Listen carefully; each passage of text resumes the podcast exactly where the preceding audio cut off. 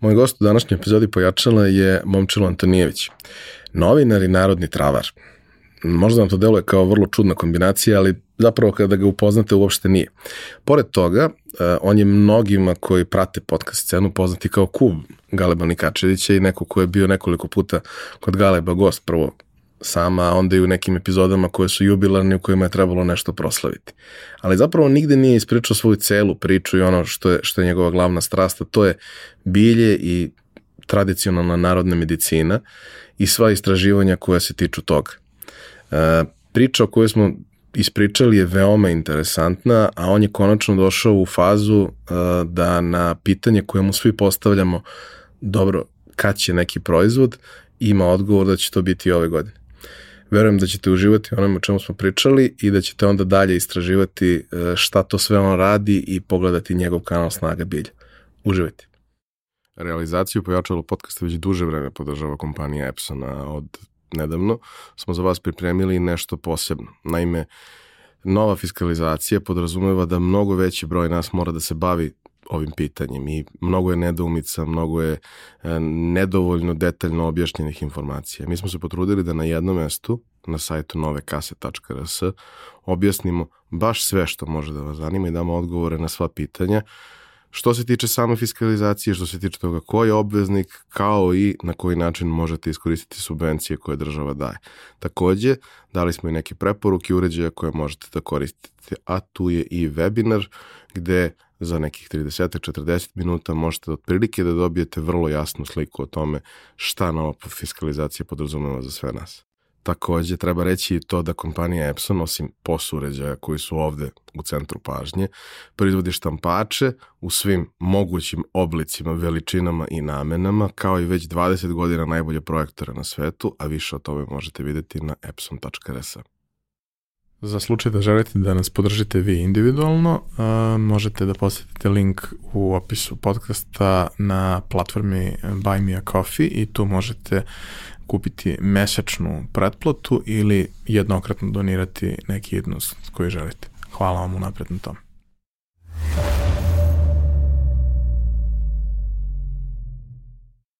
Momčilo, dobrodošao. Bolje te našao. Mogu da kažem da e, mi je uvek zadovoljstvo kada dođe neko koga ja pratim, koga ja slušam i čije ovaj, sadržaje ja volim da konzumiram, iako nije nešto što je meni po prirodi stvari blisko, svakako mi je jako zanimljivo, ali e, za sve one koji ne znaju, ko si ti i čime se baviš? Prvo, hvala ti, meni je velika čast da dođem kod nekog koga ja pratim. Sad ustamo kao da se nas dvojica međusobno, ti meni Vojvodo, ja tebi Serdar. Ali ovo, ja sam novinar i narodni travar i vlasnik i urednik YouTube kanala Snaga Bilja, sajta Snaga Bilja koji postoji jako dugo sad već. YouTube kanal od 2013. A sajt, boga mi, jedno 7-8 godina pre toga. A inače sa tim biljkama bavim ove godine će biti 28 godina. Tako da još malo idem u penziju. da, e, publici, generalno i podcast publici kod nas si poznati kao Kub Galeba Nikačevića i bio si nekoliko puta kod, kod njega bio si kažemo svojoj epizodi, ali si bio gost yes. onim nekim raznim jubilarnim yes moram da priznam vrlo živopisnim, ali da. beskrajno dragim epizodama, naročito sa MKDSL-om. Da. Ovaj, ali tu si pričao o tim nekim stvarima kojima se baviš i o svemu onome u čemu želim da pričamo i danas, a to je koliko mi zapravo zapostavljamo uh, sve ono vredno što imamo, a tiče se naše narodne, tradicionalne uh -huh.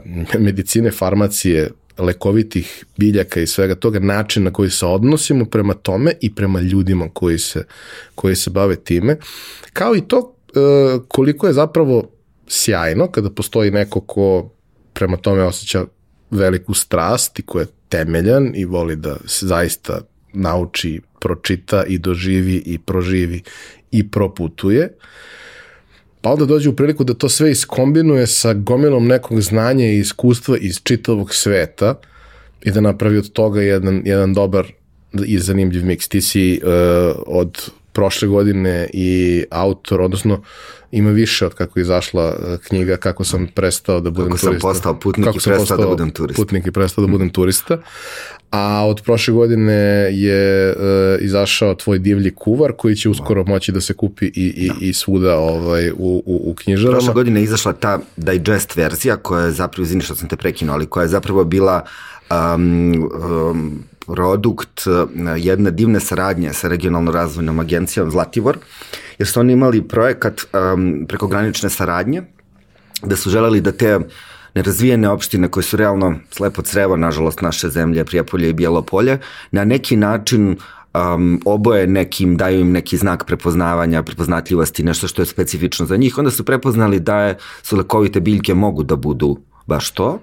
I um, radili su sa institutom Josif Pančić koji je mapirao alkovite biljke koje rastu ovaj, na tom području. I onda su zvali mene jer im je trebao neko ko bi na relativno um, jedan pitak način umeo da objasni ljudima uh, kako dalekovite biljke uvrste u menije svojih restorana, a pošto su to porodični restorani u ovim malim opštinama, to nije moglo da bude uh, i nije trebalo zapravo da bude nešto preterano pompezno uh, sa minimalističkim pristupom i ne znam ovom kako se zove molekularnom kuhinjom, nego nešto sad da ti ljudi mogu da to sad moramo da napravimo jedan fini balans. To je meni baš bilo izazovno i onda sam ja kreirao uh, uh, tri menija.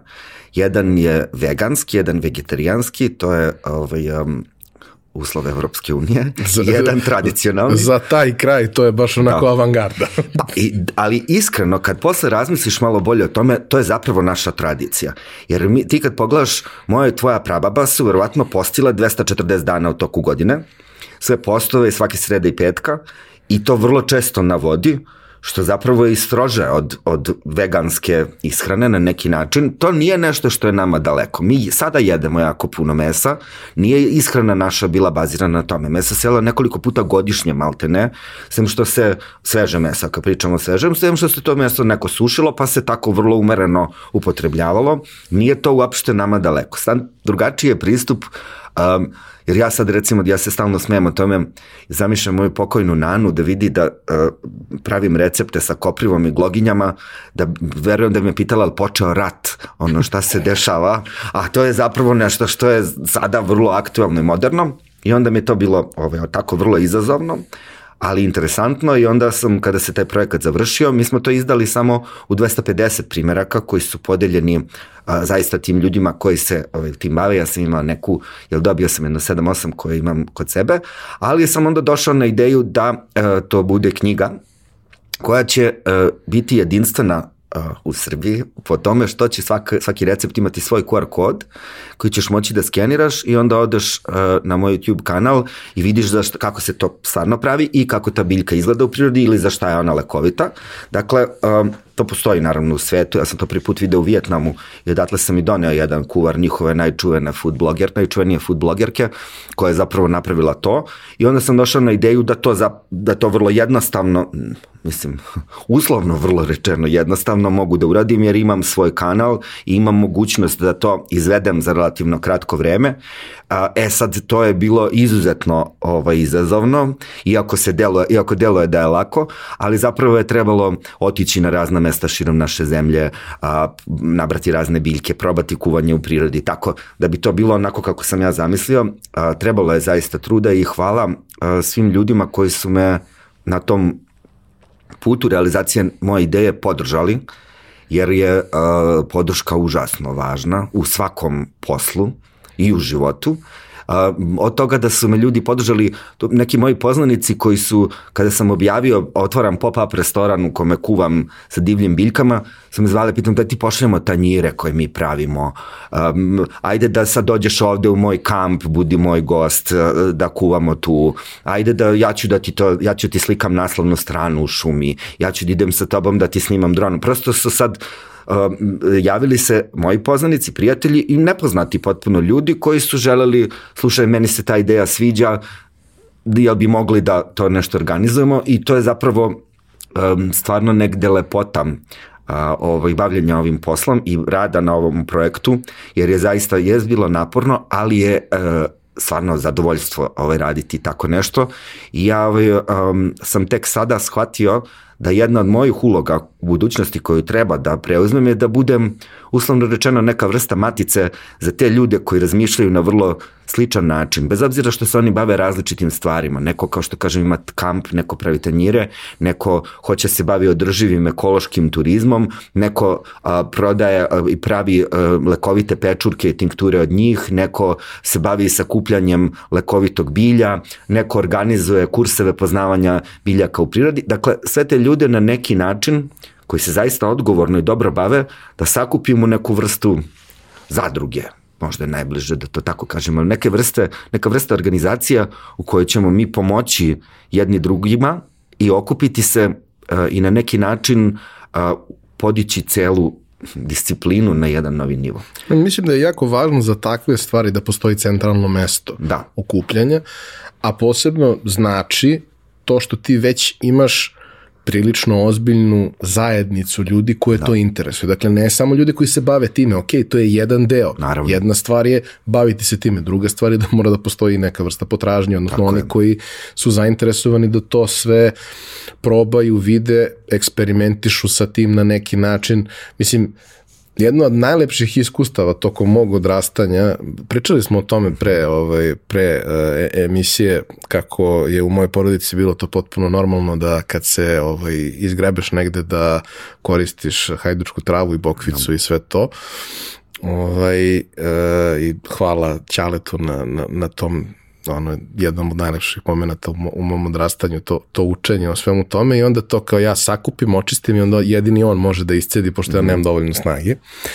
Ali jedan od najlepših momenta tokom, tokom uh, jednog leta je bio kada smo mi, ja mislim, na kraju četvrtog razreda, slagaću, možda je bio i treći, možda je bio četvrti, ne znam, dobili zadatak da ako idemo negde, a i ako ne idemo negde, nije to sad bilo ni za ocenu, ni za bilo šta, nego kao, eto, rad tokom letnjeg raspusta, da napravimo herbariju. Da. Ja sam što sam ja skoro našao biljke koje sam presavao za herbariju, isto tako nešto, ali mislim da je to bilo, da možda je u nižim razredima, da sam skoro našao nekoj knjizi, znaš ono, Tito, Revolucija, Mir, da, one su uvijek da, da, najteže bile, koje, to je paprat neka koja je bila ispresovana tu i baš mi je onako bilo ovaj, um, divna, divna, divno evociranje uspomena iz detinstva hvala dedi na svim onim e, enciklopedijama to, o Titovom životu koje su bile korišćene da, u procesu nastanka tog herbarijuma. I sad, naravno, ono, bolji đaci su se više potrudili, loši đaci su ono sedam dana pred kraj raspusta uzeli u školskom dvorištu nabrali pet biljaka i stavili. A ja sam zajedno sa, sa Ćaletom rekao, ok, hajde da ovo uradimo kako treba. Deo tog leta sam proveo uh, u Beogradu, deo sam proveo kod jedne bake, deo kod drugih uh, babi dede zapravo baš u kraju u, uh -huh. u kome si ti sad pravio ovaj kuvar u Prijepolju i tom, uh -huh. tom okruženju da stvarno ima vrlo interesantne flore, a boga mi i faune. Ovaj, I moj herperijum je imao preko 400 biljaka. Da, u, to je baš uh, velika, veliki broj. Uh, naravno, sad bilo je dosta tu momenta gde, znaš, nemam ja latinski naziv. Ja imam lokalni naziv koji se koristi, koji u drugom delu Srbije za istu biljku je drugi Drugači. naziv. Ali ja imam devet godina i nije ni važno na kraju da. dana.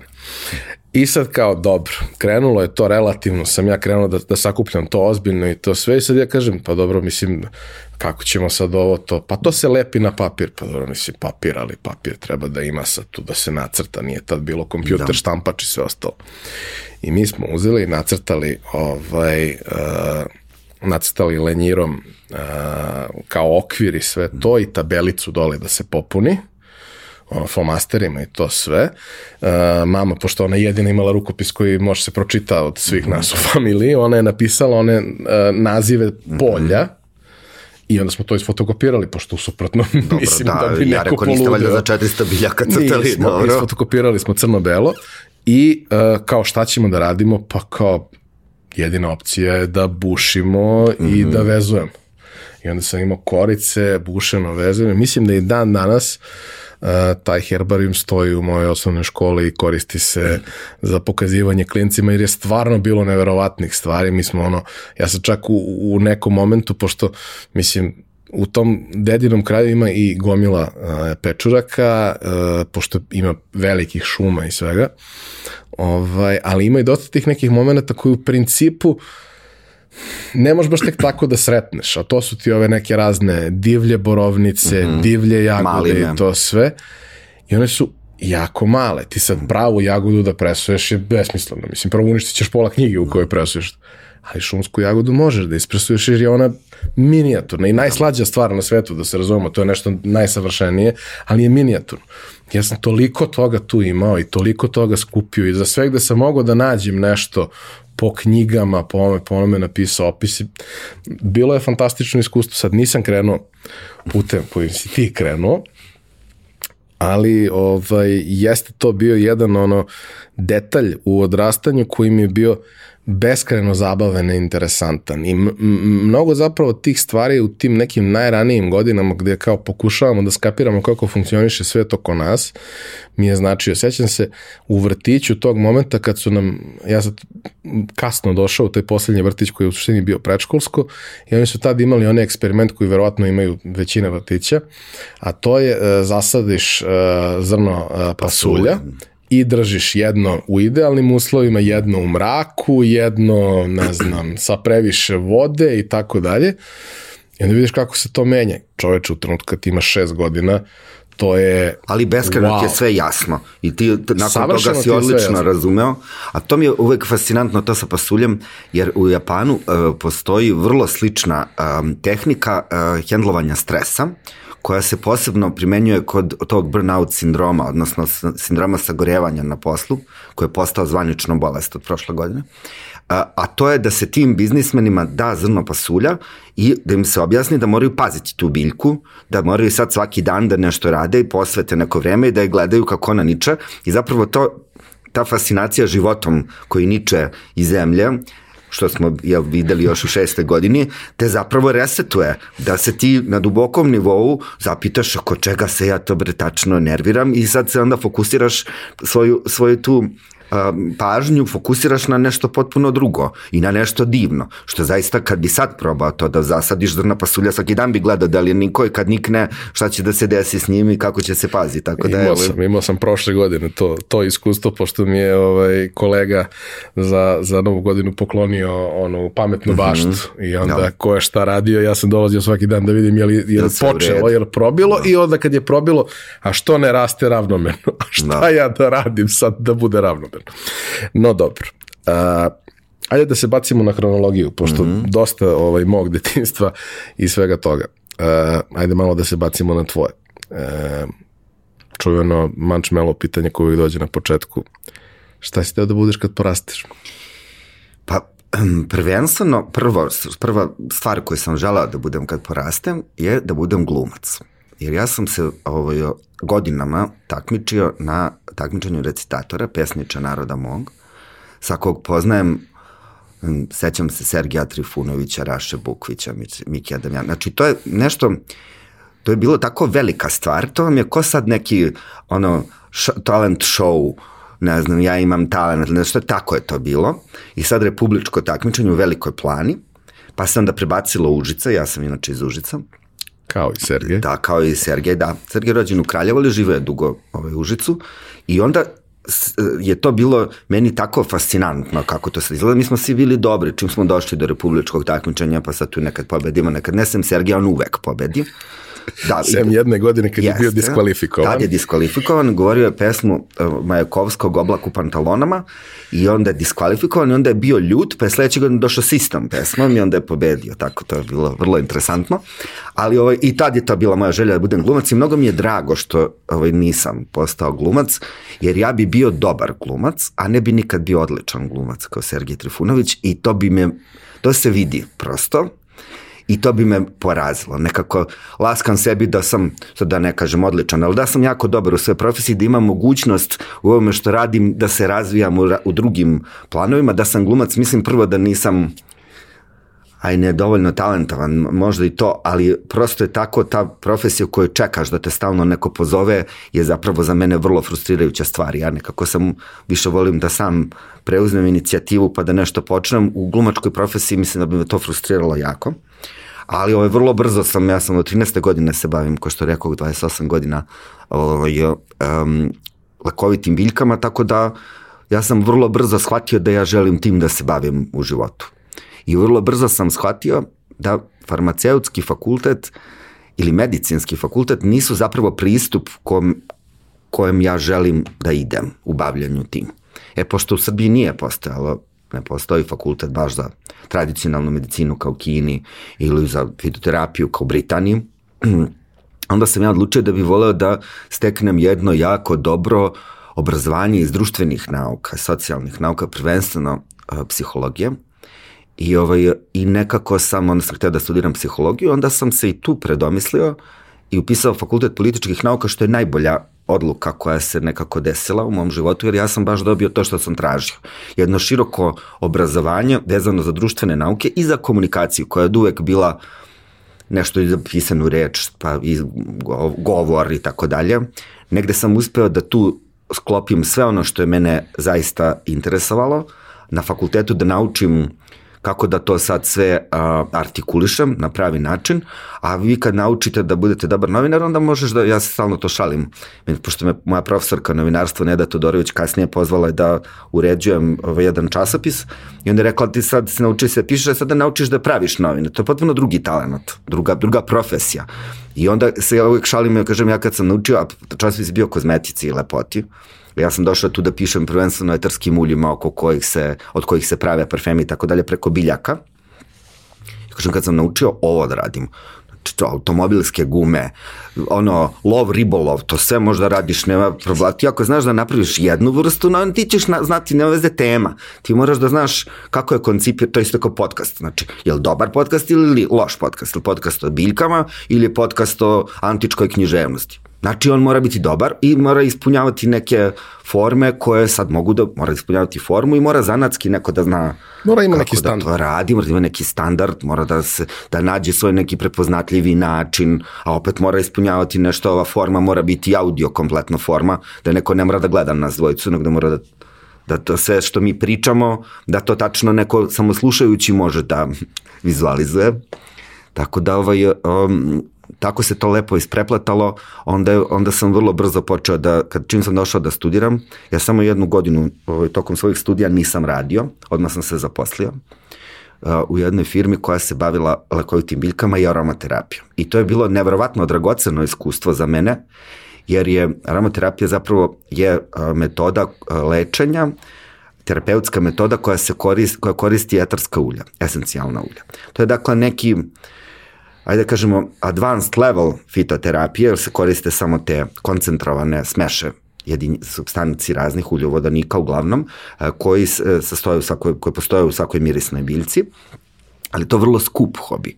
I sad neka od tih ulja koje sam ja dobio ono na korišćenje koštaju sad ne znam 3000 evra litar, 7000 evra ili 10.000 evra, znaš, to je sad tako neke cifre koje je sad jedan dečko 21 godinu seo, to se zove orgulje u aromaterapiji, mm. pošto su tako to složene, donje note, srednje note, gornje note, i ti ovo, uh, zapravo imaš, ono, ne znam, kolekciju od 80 vrsta različitih ulja s kojima ti, ti je neko dao da se igraš. To je za, zapravo bilo vrlo ovaj, jedno korisno iskustvo, I bilo je korisno iskustvo jer sam se odmah upoznao i sa prodajom, ali na tom nekom malo drugačijem nivou i kreiranju proizvoda, ja sam inače do tad godinama predavao čajeve na pijaci, To je još dragocenije iskustvo u mom životu, koje je užasno utešno za mene, ja to stalno govorim, jer ovaj, e, pošto e, znam da prodajem na pijaci, ništa ne može, kako ti kažem, gubiš posao, dobro, sad neću biti gladan nikad, možda ću jesti krompir lebi džem,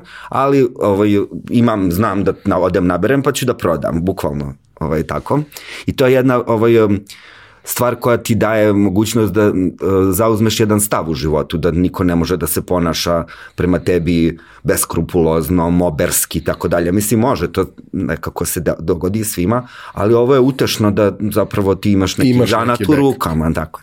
I onda je bilo to ovaj zanimljivo kreiranje i pravljanje proizvoda, komunikacija sa ljudima i tako dalje. Tu sam se upoznao i ušao u svet kozmetičke industrije, baš u smislu pravljanja kozmetičkih proizvoda, Tako da je to ovaj, a, bilo vrlo interesantno iskustvo i nekako vrlo često u mom životu se prepliću te dve stvari biljke i novinarstvo i onda u jednom trenutku jedna ima primat, u drugom trenutku druga ima primat, obe uvek funkcionišu kao i nezavisne, vrlo često se i prepliću, ali sad mislim da je došao trenutak ove godine da se vratim na biljke za primarnog novinarstva ovaj, i bavljenja medijima i društvenim mrežama, sad će prvenstveno, mislim da ćemo ući u, u neku proizvodnu fazu, pošto svi pitaju kad će, kad će, bit će uskoro. I ja sam te pitao. Da, bit će uskoro, ove godine će sigurno da bude. I ovaj, uh, hoću da se bavim proizvodima od lekovitih biljaka na jedan do sada neviđeni uh, način u Srbiji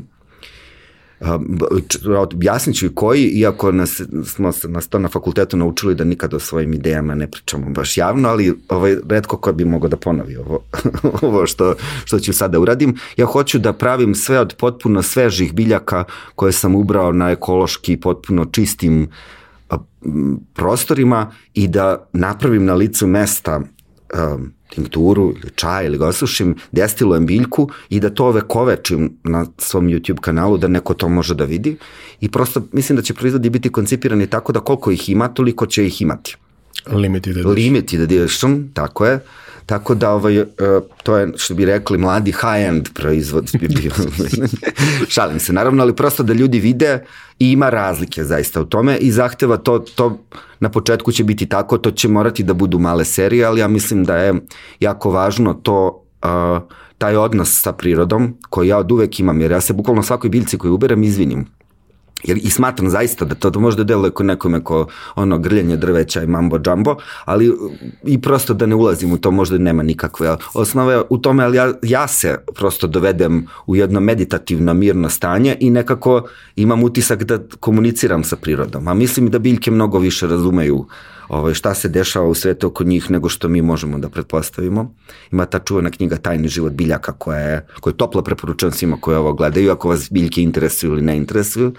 E, tako da ovaj, um, gde zapravo vi shvatite da se biljke kreću i komuniciraju međusobno i da postoji šumski internet koji je zapravo to, je zapravo, to se zove mikoriza slučno, ali a, biljke komuniciraju međusobnom mrežom gljiva koje se nalaze u šumi, oh. koja zapravo bi bila to neka bukvalno mreža u pravom smislu. Tako da je to ovaj, vrlo interesantno i mi nekako antropocentrično posmatramo na, na živi svet i uvek su nam životinje, nešto nam žao životinja, jel vidi trči, malo lana i tako dalje, ali šargarepe nam nešto nikad nije žao niti drveta, da kad treba da se seče, verovatno zato što daleko od toga da neko misli da ne volim lane, nego, ovaj, da, nego prosto um, mi gledamo to, nam je lakše da se identifikujemo sa životinjama. Ima oči. Ima oči, to, jede, ne jedem sve što ima, mislim što to sad znači, kao, da sad nemam jedan, ovaj, da ne, ne ulazimo u detalje, ali prosto uh, nekako um, uvek želim da istaknem i to da nekako moramo malo više i biljke da cenimo. Ne smeju one biti pocenjene i one igraju jako važnu ulogu u našim životima. Pa bih ja voleo da se taj odnos moj prema prirodi preslika na neki način na proizvod, a voleo bi da se preslika i na odnos sa ljudima sa kojima radim, pošto sam ja to zamislio da to veliki deo toga bude pravljeno specijalno za nekoga. Odnosno, to se zove holistički pristup, da vi zapravo a, ne lečite, neću da koristim tu reč, ali ajde da je ovaj, ovog puta iskoristim, vi ne lečite bolest nego čoveka. Vi zapravo s nekim razgovarate i nekome uz pomoć biljaka pomažete da se on sam izbori sa tim. A prvenstveno mu pomažete, to bi bar trebalo da bude tako, da ostane zdrav. Znači i da postane zdrav, ako je bolestan, ali i da ostane zdrav. I uvek je preventiva nešto što uvek potenciram da treba na tome prvenstveno raditi, posebno kad su biljke u pitanju, jer mi zaista ukoliko to uvedemo u neku dnevnu rutinu svoju, da pijemo dva puta dnevno čaj, a ne samo kad smo bolesni ili kad nam je ladno, mi možemo drastičnu promenu da napravimo za godinu dana. To delo je kao nešto minimalno ništa. To koristi metarsko ulje u isprivaču svaki dan u našem prostoru, umesto onog veštačkog sintetičkog difuzera koji ima neki miris na jelkicu iz kola, vi na, na taj način pospešujete kvalitet svog života. Ne samo što vam lepo miriše, nego vi dezinfikujete sa tri kapi etarskog ulja eukaliptusa prostoriju od 30 kvadrata, u njoj više nema e, stafilokoka. Znači, prvo to. Onda se ionizuje vazduh, sad je to jako popularno, ozonizacija, ionizacija, stvara se velika koncentracija negativnih iona u vazduhu koji su korisni zapravo.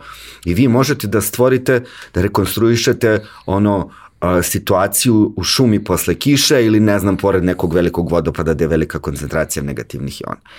Lakše spavate kad stavite nekoliko kapi lavande ili matičnjaka, matičnjak je skup, to samo vi dobro stojeći mogu da ga stave u difuzer, ali šalim se naravno, u stvari ne šalim se, jeste skup, ali ovaj, prosto je vrlo koristan i možda nije loše ovaj, da se odreknemo nečeg drugog uh, zarad ovaj, ulja matičnjaka, vi na taj način ćete bolje da spavate, jer lavanda vam direktno utiče na to da uh, prestaju veđe, veze među sinapsama tako što je udišete, I ona je idealna recimo za situacije za oni ljudi koji legnu da spavaju ne mogu da prestanu da misle o nekim problemima, o danu koji ne. Da. To je. Da. Tako da ovaj da, tako da ovaj pamtite ovo dobro. E, to su sve neke male jednostavne vi pijete propolis recimo preventivno, bio sam na, na jednom fantastičnom predavanju uh, gde je naš najveći stručnjak za propolis, koji je inače profesor um, Petar, koji je profesor na hemijskom fakultetu, koji je pričao o tome da to je zapravo jedna divna preventivna stvar. Kad se razbolite, to nema nekog specijalnog efekta, ali zahvaljujući tim bioflavonoidima koje propolis sadrži, vi možete na, na jednom visokom nivou da budete sigurni da ste sačuvali svoje zdravlje, da ćete biti zdravi i otporni. Tako da su to sve neke male stvari koje, koje je relativno jednostavno možemo da uvedo koristite. Sad će krene sezona sremuša, odmah iskoristite kad ga, čim ga uhvatite i jedete svaki dan sremuš i očistite krvne sudeve za mesec dana. Ukoliko niste u vezi, to možda da ostavite to čišćenje krvnih sudova za neku drugu godinu, ali ovaj, jel ćete intenzivno mirisati na beli luk, ali ovaj, ukoliko nađete nekog kome to nije problem, toliko bolje.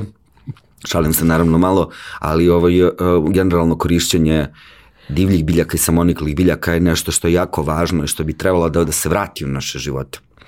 E, pričat ćemo još o tome, zato što e, generalno gomila informacija koju si ti u prethodnom periodu što pisao, što snimao i o njima pričao je beskreno vredna. Ja sam igrajući se tako, gledajući e, od tvojih klipova pre ne znam, godinu dana, možda godinu i po, uh, iako ne volim da pijem čaj, zato što ne volim pijem ništa što je toplo.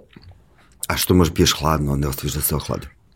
Krenuo da pravim svoj ledeni čaj. A, da. Tako što sam kupio, ono, uh, da, što kažu, nije sveža, ona je i dalje sušena, ali ne nanu u kesicama, nego nanu ovako i krenuo da pravim svoj čaj sa još par nekih kombinacija biljaka koje si ti tamo pominjao, imamo i dalje ovaj, pun, punu jednu činiju da. ovaj, tih pakovanih, uh, pakovanih čajeva i to je stvarno bilo jedno sjajno iskustvo, jer neverovatne, sam taj moment kad ti otvoriš, to je taj miris. Tako je.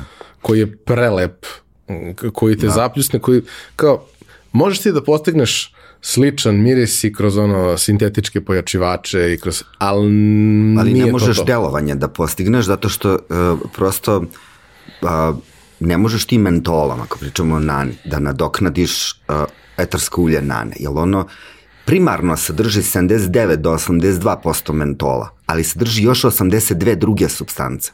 Dakle, onih 20% su, čini zapravo razliku. Jeste to najsličnije i čak nekom neiskusno može da prođe, ali i tih 80 nešto ima svoje delovanje, a posebno što deluju sinergistički. I to je ovaj, jedna posebna sad disciplina i nauka kako se to ovaj, koristi i šta se sa tim radi. Vrlo redko je važno da čaj bude topao. To je važno kada pijete čajeve recimo zove ili lipe, koji treba da se piju što toplije može. Znači vrelo, vrelo i oni služe za preznojavanje. Vi kad ste prehlađeni imate temperaturu tako visoku, popijete to i vi se posle toga se preznojite i bude vam lakše. To spadne temperatura, to su prosto čajevi koji se piju toplo.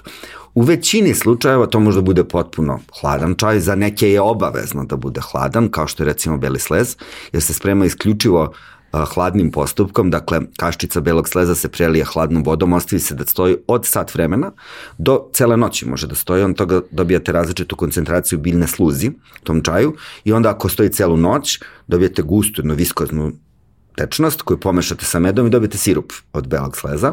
A ukoliko ga ostavite sat vremena, to je jedan čaj koji ima prilično jedan neutralan ukus, nema ko neka tako malo osjećate bilo kakav ukus, ali vi u njega možete dodati recimo malo sirupa od ne divlje, kupine, borovnice, maline, date to detetu da popije i onda će da se smiri taj suvi nadražajni kašelj. Vi možete da date malo meda u to, dobijete jednu vrlo ukusnu substancu. Oni koji recimo ne vole topao čaj, a ne vole hladan čaj, oni kada ga procede mogu da ga zagreju blago, neće ništa da se desi. Ali se on ne sme da se greje jer se na taj način ispušta velika količina skroba iz njega i onda dobijete lepak za tapete što ima i recept jedan sup, to će se bavim pravljenjem lepka za tapete uskoro, pošto sam inače farbo ovaj, uh, vunene čarape uh, kurkumom, Pravio sam uh, džubrivo od koprive, imam svoje sredstvo za poliranje srebrnog escajga od rastavića, tako da ovaj, sam razne stvari ovaj, radio i ovaj, isprobavao, tako da sledeća stvar je lepak za tapeta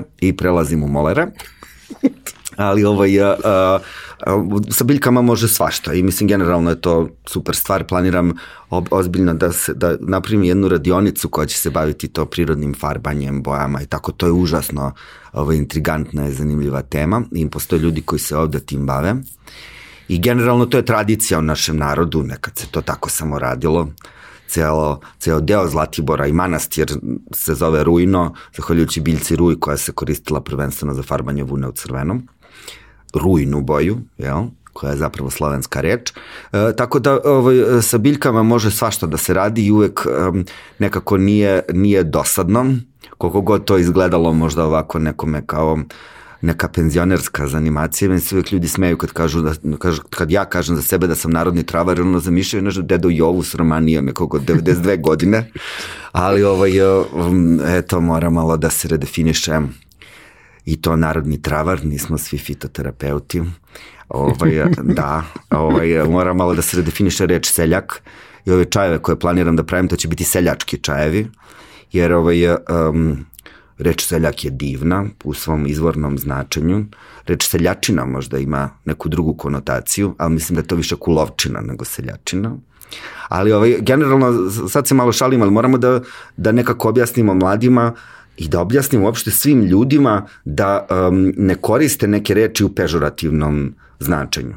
Uh, I prosto to će biti moja misija ove godine, da pomognem ti ljudima koji žive na selu i bave se uzgajanjem ili branjem lekovitog bilja, jer njihov položaj je izuzetno, izuzetno težak i strašan. Ja bih voleo njih da edukujem, a voleo bih i da uh, prosto pomognem na neki konkretan način, Ja sam ovaj, bio jako tužan i besan kad sam shvatio da neko za kilogram suve majčine dušice koje je ubrao, znači on mora da nabredno 2 kilograma sveže. Ne znam da li ljudi znaju koji ovo gledaju kako izgleda majčina dušica. To je jedna tini, tajni, mala biljčica koja raste u zemlji, po, po, blizu zemlje koju vi tako sageti stalno morate vrlo pažljivo da berete ili seckate I tu sad recimo, znate što stalno zmije, ti si savijen, kompletno po suncu se to bere. To je jedan jako težak posao. Treba vam nekoliko sati iskusnom beraču koji zna tre, gde treba da ide, a tek oni koji idu da traže, to njima treba mnogo duže, da bi nabrali to nešto što košta 120 dinara. I, u, u otkupu. U otkupu, jeste. Košta 18 puta skuplje kad ga ti ili ja hoćemo da ga kupimo u nekoj radnji zdrave hrane ili apoteci i nekako nije fair 1800% da ta cena poraste. Ne, to ne može baš nešto tako. I, ovaj, I onda sam ja odlučio da to ću ja da menjam. Pa sad, kako ti kažem, možda uspem, možda ne uspem, ali ja ću da probam. I ovaj, kada sam eh, to podelio sa ljudima koji me prate na društvenim mrežama, Um, onda sam, ja ne volim uopšte to, meni ono, ježim sad Facebook peticija. Znaš, neko sedi i klikće i misli kao, znaš, to mi je uvek nešto, ste glupi, ono, ne znam uopšte. Mislim, možda to i funkcioniše, nego meni to delo je da je to potpuno jedna uzaludna stvar od koje se samo ti osjećaš dobro, a zapravo se ništa ne desi. I tako deluješ ko neko ko se bavi važnim nekim stvarima. I ja sam onda odmah rekao, aktivizmom. Ja sam onda odmah rekao, sad morat ću da, moram da, ima, ovo mora da ima neki konkretan sad epilog, nešto sad moramo da radimo.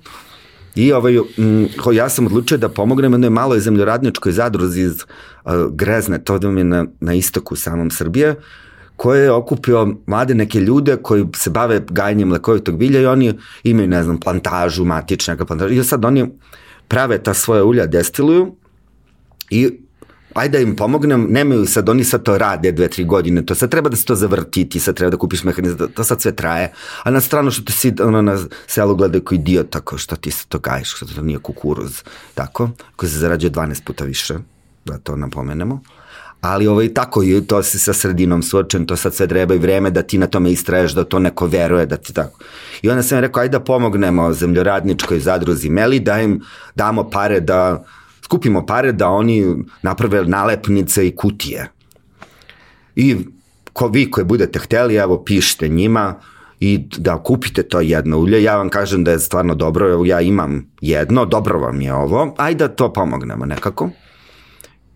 To je bilo nevjerovatno, mislim, više od, ne znam, 50-60 ljudi je se javilo i bilo spremno da da oko 5000 dinara I znači skupile se se neke finansijska sredstva, ali mi je meni najfascinantnije bilo što su mi se javila mi se profesorka s pravnog fakulteta koja je rekla mi smo radili um, istraživanje sa studentima našim i studentima FONA o organskoj proizvodnji, št, kako to sad može sertifikovanje alternativno proizvoda, ajde da pomognemo na taj način i ona, ja ustupam to da pročitate, to će biti interesantno nekome.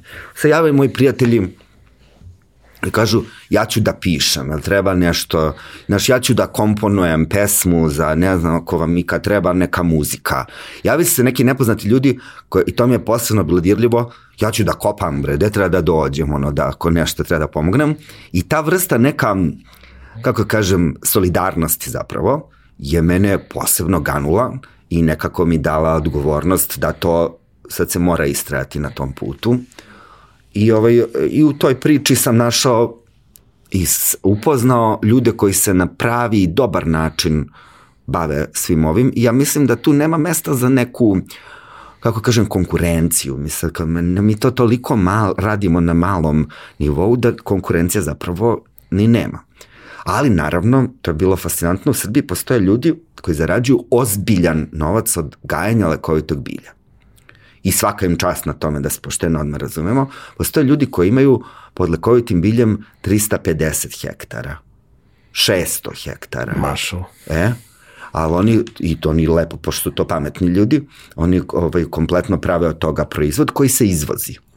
I oni njima, srpsko tržište nije ovaj, uopšte interesantno. Ja bih voleo da nekako sve te ljude upoznam, jer su oni zaista svi hoće, da, oni samo neće s budalama da, da, da diskutuju, ali kad vide da, što poštujemo naravno, ali pošto kad vide neko da je nešto dobra inicijativa, nema tu sad neke srevnjivosti sad što ti jesi, ja nisu, nego hoćemo svi da pomognemo, svima će nam biti bolja. I prosto svaka industrija koja dobro radi, po mom mišljenju, tu su ti ljudi i moraju imaju neki konsenzus kako se sad nešto radi, kako se postavlja.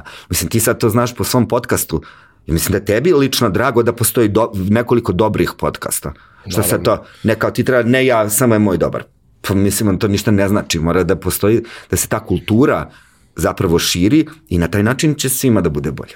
Vidi, ja sam prvo beskrajno zahvalan tvom kumu što je uopšte podcast uveo u mainstream kod da. nas, jer pre njega uh, realno mi smo bili čudaci koji to slušamo, da. imali su ljudi koji gledaju to na YouTube-u, pošto to jeste ljudima negde bilo bliže, ali to kao audio, mm. konzumiranje podcasta gotovo da nije postojalo. Sad je to već nešto što je se menja, da. prilično, da. da kažemo, zastupljeno u, u toj zajednici. E sad, ja moram te vratim 28 godina u nas. Dobro. Zato što si ti rekao kad si počeo, mm -hmm. ali nisi rekao kako si počeo, nisi pa, rekao ni zašto si počeo, šta te je to... Zašto sam počeo, e, ta, to pitanje se stalno meni postavlja, nemam pravi odgovor na to, jer ja zaista mislim, sad ću delovati kao neki stvarno New Ager, mada sam ja magistrirao na ovaj, New Age-u, na teoriji kulture, i uopšte na novim religioznim ovaj, zajednicama i pristupima, ali ovaj, e, ja zaista verujem da su biljke mene odabrale, a ne ja njih.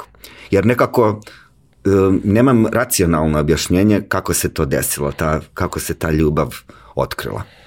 Nisam ja sad svesno jednog dana došao, ali je prosto nekako to se dogodilo. Mi imamo kuću na Zlatiboru, koje smo odrasli svakog leta i ovaj, Zlatibor je izgledao drugačije ovaj, pre 28 da, godina, da ne načinjamo ovaj, tu bolnu temu, ali da, da, da zašto se iznerviramo ne bi, ne bi voleo, ali ovaj, dobro, bilo je to na obodu odmah, odmah pored naše kuće i je bila jedna ogromna šuma, ima i danas, ali je tako, sve manja. Ovaj, jedna velika šuma i tako mi smo stalno išli kroz tu šumu, pa onda dole ima neki potoci, pa onda izbiše neku livo. Tako to je vrlo interesantno bilo, ima puno lekovitih biljaka i ljudi generalno u zapadnoj Srbiji znaju puno o lekovitim biljkama. Meni je bilo neverovatno da neko kupi koprivu, kao što ne nabereš, znaš, brezav list, koji si debilan, ti breza, razumeš. I onda kad shvatiš da ljudi koji žive u gradu, prvo i da znaju koja je to biljka, ne mogu da je uberu, jer nemaju gde da je uberu, jer to nije, nije čisto, čista sredina ili nema dovoljno i tako dalje. Mada je i to ovaj, upitna stvar, jer ja mislim da je to aerozagađenje manje važno od zagađenja vode i, i zemljišta ako pričamo o biljkama jer biljke imaju svoj način kako se izlaze na, na kraj, ali da to stavim po strani, e, to je dešava za sve 1993. godine u vreme one hiperinflacije.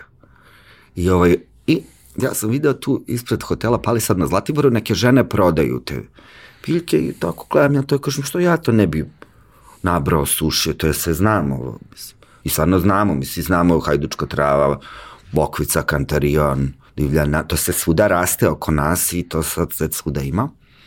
I sednem ja tako i napravim spisak koga, šta bi ja to mogu, šta znam. Da uberem to nekih 15, 20 biljaka, ne mogu se tačno se setim, ali pošto imamo kući ovaj, imali smo, imam ja i ja i dan, danas, eh, knjigu Jovana Tucakova Lečenje biljem iz 74. izdanje. Ja sam, pošto sam ja štreber, ja sam dobar đak, ja sam seo pa to pročitao sve. Ne može to sad kao da se za šta ti to, pa to ti je za stomak. To, mislim, ne može baš to tako. I onda sad ja to sad sve lepo pročitao, naučio, seo, sa, baba mi je dala ono, znaš ono jastočić što se stavlja na stolicu, to, ja. ja na zemlji sedim sa stolnjakom jednim i rasprostate te biljčice i tako to ovaj, zanimljivo vrlo bilo, ljudi da tako gledaju, nešto sad čudno, mnogo čudnije nego da neko 92 godine sedi, neko 13 i ta priđe sad neka žena i pita me kao šta je to, ja sad kažem, i kaže šta se to koristi, ja sad krenem redom. 1, 2, 3, 4 do 15 i sad za svako je to sad objasnim. Sadrži hipericin, kantarion koji mu daje crvenu boju, vidite ovom ulju, zahvaljujući kome je to dobra rane posle kotina, pekotina, ali može da se pije, pa je onda začina želucu na donesto. Tako sad sve ja pričam o tim taninima, heterazidima i tako. I sad, a pošto sam fokusiran, jer da bi, ne bi nešto pogrešio, ja sad tako gledam u to ispred sebe i kao završim, samo pogledam 30 ljudi stoji ovako iz, ispred mene koji slušaju tu propoved. Šalim se, naravno. I ovaj, ta žena kaže meni, dobro, spakuj mi to sve. Ja sad tako gledam i kažem, ali niste pitali koliko košta? Kaže, no joj, izvini, koliko košta? I sad ja računam, 30 feninga, 20 feninga, 4,5 marke košta. I dao na meni pet. I kaže, to ne, ne, to sve sad u redu, ja to sad se spakovao, ali to se desilo jako brzo, pošto sam ja sad tu sišao, meni treba jedno pa 20 minuta, pola sata da se dođem do tog mesta, pa sam ja tu seo, sedeo možda 15 minuta, ispričao možda za 15 minuta i prodao i popeo se kući. Sad idem. Sad, ovaj, pošto je kuća tako na livadi nekoj koja je sad, više nije livada nego šestospratna zgrada, tu ovaj, uh, sedi ovaj, moja mama koja me vidi da idem i mašem tom korpu, što imam korpu koje sam to sve spakovao i kaže ona, ja razmišljam, nemoguće da se do, neko ti oteo to pošto je to na vreme skidanja patika i to, bukvalno je to tako bilo, međutim ja to sad pre, preponosna kakvi crnote, od se se prodalo. I to je bilo, ovo, ovo je jako interesantno za ljude koji su mladi, a gledaju tvoj podcast, koji su se rodili od 90, od 93. pa na ovamo. Oni uopšte ne mogu da pojme da sam ja tu došao, seo i moja babina penzija. Znači to vam je sad, ne znam, 40.000 dinara. Ili 30, nije ni važno, penzije su bedne ali ovaj, generalno, to je kako ja kažem, za jedan to, takav, takvu akciju. Za jednu turu. Tako je, nije, nije loše uopšte. Za jednodnevnu, da ne kažem jednosatnu aktivnost. Nije naravno jednosatna, iza svakog posla stoji stoje sati i sati, dani i dani učenja i tako dalje, ali tako je to meni bilo jako interesantno da imaš prvo svoj novac, pa onda sad to, em radiš nešto, ali ja sam se to sad uvek bio ono, ložio da, se, ono, da si odrastao, ja sam stariji brat, imam mlađeg brata, on je uvek mali, a ja sam uvek kao... I onda je to tako krenulo i bilo je vrlo zanimljivo, meni je pomoglo nekako, bilo mi interesantno. I ovaj, uh, iako je bilo je malo izazovno, jer opet sam ja u pubertetu, sad ti sediš tu nešto prodaješ na ulici, malo si, znaš, nekako nema to, imaš neku, kako kažem, nije to cool baš, E pa, pa postalo cool, ovaj, da, to sam ja potpuno prepravio. Onda sam jednom trenutku prešao da radim na pijacu, to je avanzovanje, ali ne morate da bežite od komunalne policije. Da, tad imam, ja imam užasno ovaj, empatiju prema ljudima koji prodaju ove stvari ono ispred pijaca na ulicama, iako ne bi to trebalo tu da bude, ali niko to ne radi što voli, da se da. razumemo. Ali ovaj, um, jako je to bilo zanimljivo je kad sam prešao na pijacu, ovaj, tu sad ima, imaš one stalne tezge na Zlatiboru, to su ljudi neki sa sela, Zlatiborsko, da, da. da. Ali, mislim, to su ljudi koji su tu, znaš, rade svaki dan, tera voće, bere voće, svoje donosi, znaš, tako, to je jedan Prošlo posao.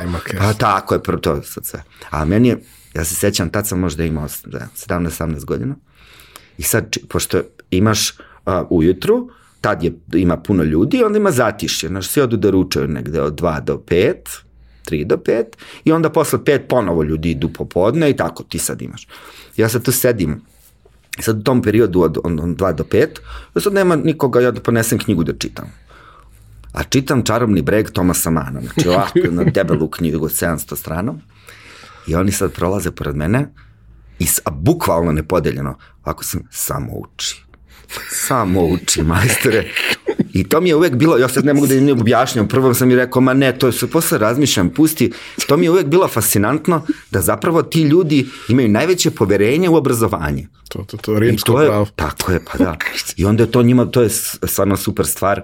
I pisao sam prošle, prošle ili pretprošle godine tekst za Noise na osnovu jednog vrlo zanimljivog istraživanja o čistačicama, da zapravo čistačice mnogo više veruju u obrazovanje nego političari, jer njihova deca proporcionalno su više, imaju više fakultetski obrazovane dece među decom čistačica nego među decom ovaj, političara, jer oni misle da to uopšte nije važno, što oni, što njihova deca i tako dalje. Nadam se da će se uveriti da je važno, ali ovaj, uh, i uopšte odnos ljudi prema tim nekim profesijama koje su, nažalost, marginalizovane na neki način, je zaista bezvezan, ali generalno hoću kažem da ti ljudi koji zaista najnapornije rade, oni najviše fizički, oni najviše veruju u, u obrazovanje. E, taj moment kad ti dakle, krećeš da se obrazuješ, da, da učiš o tome, da čitaš sve te neke zanimljive stvari, pričamo, da kažemo, periodu još uvek nasledđa bivše zemlje u kojoj je stvarno imalo svašta, koja je izdavačka delatnost bila veoma ozbiljna, gde stvarno, ono, ja imam kući biblioteku koja je ostala od roditelja gde stvarno možeš narednih da. 200 godina da čitaš i da ti bude beskreno zanimljivo. Da. Sad to više nije tako, još uvijek mogu da se pronađu te neke stare knjige, ali ti ulaziš u tu priču u nekom periodu kad je to sve prilično sveže i dostupno da. i, i tako dalje. Uh, krenuo si, pomenuo si knjigu od koje si krenuo, -huh. uh, kako si se usavršavao dalje? Prosto, ono, kompleksna je stvar. Da. Jedno je samo nabrati, osušiti, u principu to manje više relativno brzo naučiš, da. ali sve da. ono ostalo što su neki dalji proizvodi, prerade, svega ostalog, uh, a i istraživanje onoga što izlazi iz okvira te jedne knjige. Mhm. -huh. ovaj, je nešto što u principu nije, ni tad verovatno nije bilo baš lako doći do toga. Da, ovaj, kaže Toma Akvinski time o hominem unius libri, plašim se čoveka koji je pročito jednu knjigu, ali ovaj, e, ja moram da kažem da ta jedna od koje sam krenuo baš jako dobra bila i vrlo opsežna, jer je napisao profesor koji je osnovao katedru za farmakognoziju na farmaceutskom fakultetu i ovaj institut Josip Pančić koji sam pomenuo, tako da je to jedna vrlo kompleksna i dobra knjiga. Naravno, kad vi to, vi to možete da čitate godinama i da saznajete nove stvari. Ja sam to i čitao godinama i saznavao nove stvari ja naravno kupujem i sve drugo što se izda u Srbiji, sve drugo što postoji. To je čuveni Pelagićev narodni učitelj, pa ne znam, Rista Gostuški izda svoju knjigu, imao to, on je još pre Tucakova izdao, pa ima to, ne znam, Sadik Sadiković, Marija Treben, tad postaje popularno, to se objavlja i vi bukvalno čak imaju to i neke sitnije publikacije, sve što je postojalo ja kupujem i onda tačno vidim da su prepisali od ovog Tucakova, tako da je to sad sve jedna vrlo širok dijapazon bio ovaj, da vi naučite da prepoznate i da je nešto prepisano, um, ali um, jako dobre uh, stvari se uh, su bile dostupne u, u deset knjiga, jer su one bile recenzirane, one su bile, kako da kažem, imaju taj enciklopedijski duh, znaš, sve su 500 strana, 600 strana, 400 strana. To sad kada neko uđe u to, to može samo Game of Thrones da bude knjiga, pa da to bude isplativo, mada moram da kažem da, da ovaj, u poslednje vreme se a, situacija u izdavačkoj delatnosti kod nas menja. I, izdao sam jednu knjigu, sad će da će uskoro i druga, a, postoje izdavači koji a, počinju ozbiljno da pristupaju svom poslu. Um, ja sam se sočio, pričao sam sa, kad sam izdao prvu knjigu, kad sam tražio zapravo izdavača za prvu knjigu, jer sam ja kompletno napisao i prelomio dizajnerski, sve to uradio, lektorisao, bio gotov proizvod, jer ja sam hteo da to bude onako baš kako sam ja zamislio. I onda kad sam nudio to, pošto ja sam, aj sad da ne laskam sebi, ali neko ko se kreta u tim krugovima da sam mogao da pozovem odma 4-5 izdavačkih kuća velikih gde sam direktno poznavao nekoga ko bi mogao to da... U jednoj velikoj izdavačkoj kući su mi rekla, a mi ne izdajemo prve knjige. Ja kao ne razumem. Ne, ne, mi ne izdajemo nikad nikome prvu knjigu. Ja sam onako ostao bez teksta, šta je vaš posao, mislim. Kako bismo mi znali za Sally Rooney, recimo, čuvenu irsku ovaj, spisateljicu, romanopisa, koja je jedna od najboljih na svetu, koja ima 29 godina i sad je izdala, izašao, mislim, četvrti roman je kod nas preveden. Kako bismo mi uopšte saznali da niko nije hteo da njenu prvu knjigu? Kad je trebalo da napiše prvu knjigu s 12, mislim, Ali dobro, to se sve lepo rešilo. Našli smo ovaj finog izdavača. Sad će izdati, uh, u pitanju su komše, za prvu knjigu kako sam postao putnik i prestao da budem turista. Uh, sad će to izdati drugi izdavač, Harmonija, ali u, sa svima sam ostao, kako da kažem, u lepim, dobrim odnosima. Mi smo dobro sarađivali, ali sticam okolnosti, ovo je izdavačka kuća koja je specializovana mnogo više za ono što meni treba I ja samo verujem u to da ostaneš sa nekim u dobrim odnosima, nikako se ne kvari, kako kažem, saradnja, ali prosto ovi su specializovani za putovanja i za tu vrstu literature. Putopisi nisu popularni kad ih nudite izdavačima, da to ovaj, kažem onima koji možda planiraju da ga napišu, ali ovo je, um, jako je značila ta podrška na početku, jako znači i podrška sad ovih uh, ljudi sa kojima uh, um, izdajemo ovu drugu knjigu e, i mislim da je to um, neobično važno, jer uh, pisac, publicista, bilo ko, ne treba da se bavi nekim stvarima. Prosto ne, ne treba. To sad one man show ne, mis, nije dobro. I onda kada, iako sam ja to dao spreman materijal, onda mi je taj prvi izdavač dao vrlo konkretne sugestije šta treba još da se doda i šta još treba da uradimo i na koji način i onda to je zaista dobilo pravi, uh, pravi oblik posle kog sam ovaj, kad, zbog kog sam bio zadovoljan kada je izašao. Bilo je mnogo smešno, jer je, ovaj, kad je izlazilo drugo izdanje, onda su me oni pitali, jel hoćeš nešto da menjaš? Ja kažem, hoću. I kaže mi izdavač, znači noge su mi se ocekla, šta ćeš sad da ćeš izbaciš neke slike? Ja sam bukvalno jednu rečenicu imao ovaj, koju sam hteo da promenim i promenio je. Ovaj, I onda su ovaj, oni bili, a kao, ma dobro, kao što, kao si nam to rekao, ko da ćeš sada da radiš nešto novo. Ali ovaj, uh, bilo je vrlo ovaj, zanimljivo i interesantno.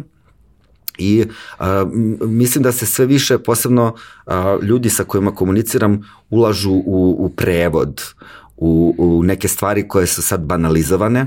Ne rade to svi izdavači, postoje jezivi prevodi knjiga koji su stvarno, ne, ja ne znam, ja mi, stalno mislim ja bi bolje preveo, uopšte ne laskam svom poznavanju, nego to su ljudi koji nemaju, ne poznaju svoj jezik prvenstveno. Ja sam, inače, imali smo ovde prilike, bila je uh, Milena Trobozić Garfield mm -hmm. koja je prevela dosta nekih Jeste. velikih knjiga. Uh, I tad smo baš pričali o tome, ja sam pričao sa nekoliko izdavača, pošto sam imao jako veliki problem sa tim da neke knjige koje ja mnogo volim, koje su, aj kažemo, polustručne, ajde. Da. Nije baš, nije beletristika. Znači, treba neko da prevede ko poznaje materiju, koje su prevedene na užasan način, ajde sve to, ali jedno od njih je pisao moj prijatelj. Gde, znaš, jednostavno ta količina nerviranja ide puta pa hiljadu u toj situaciji.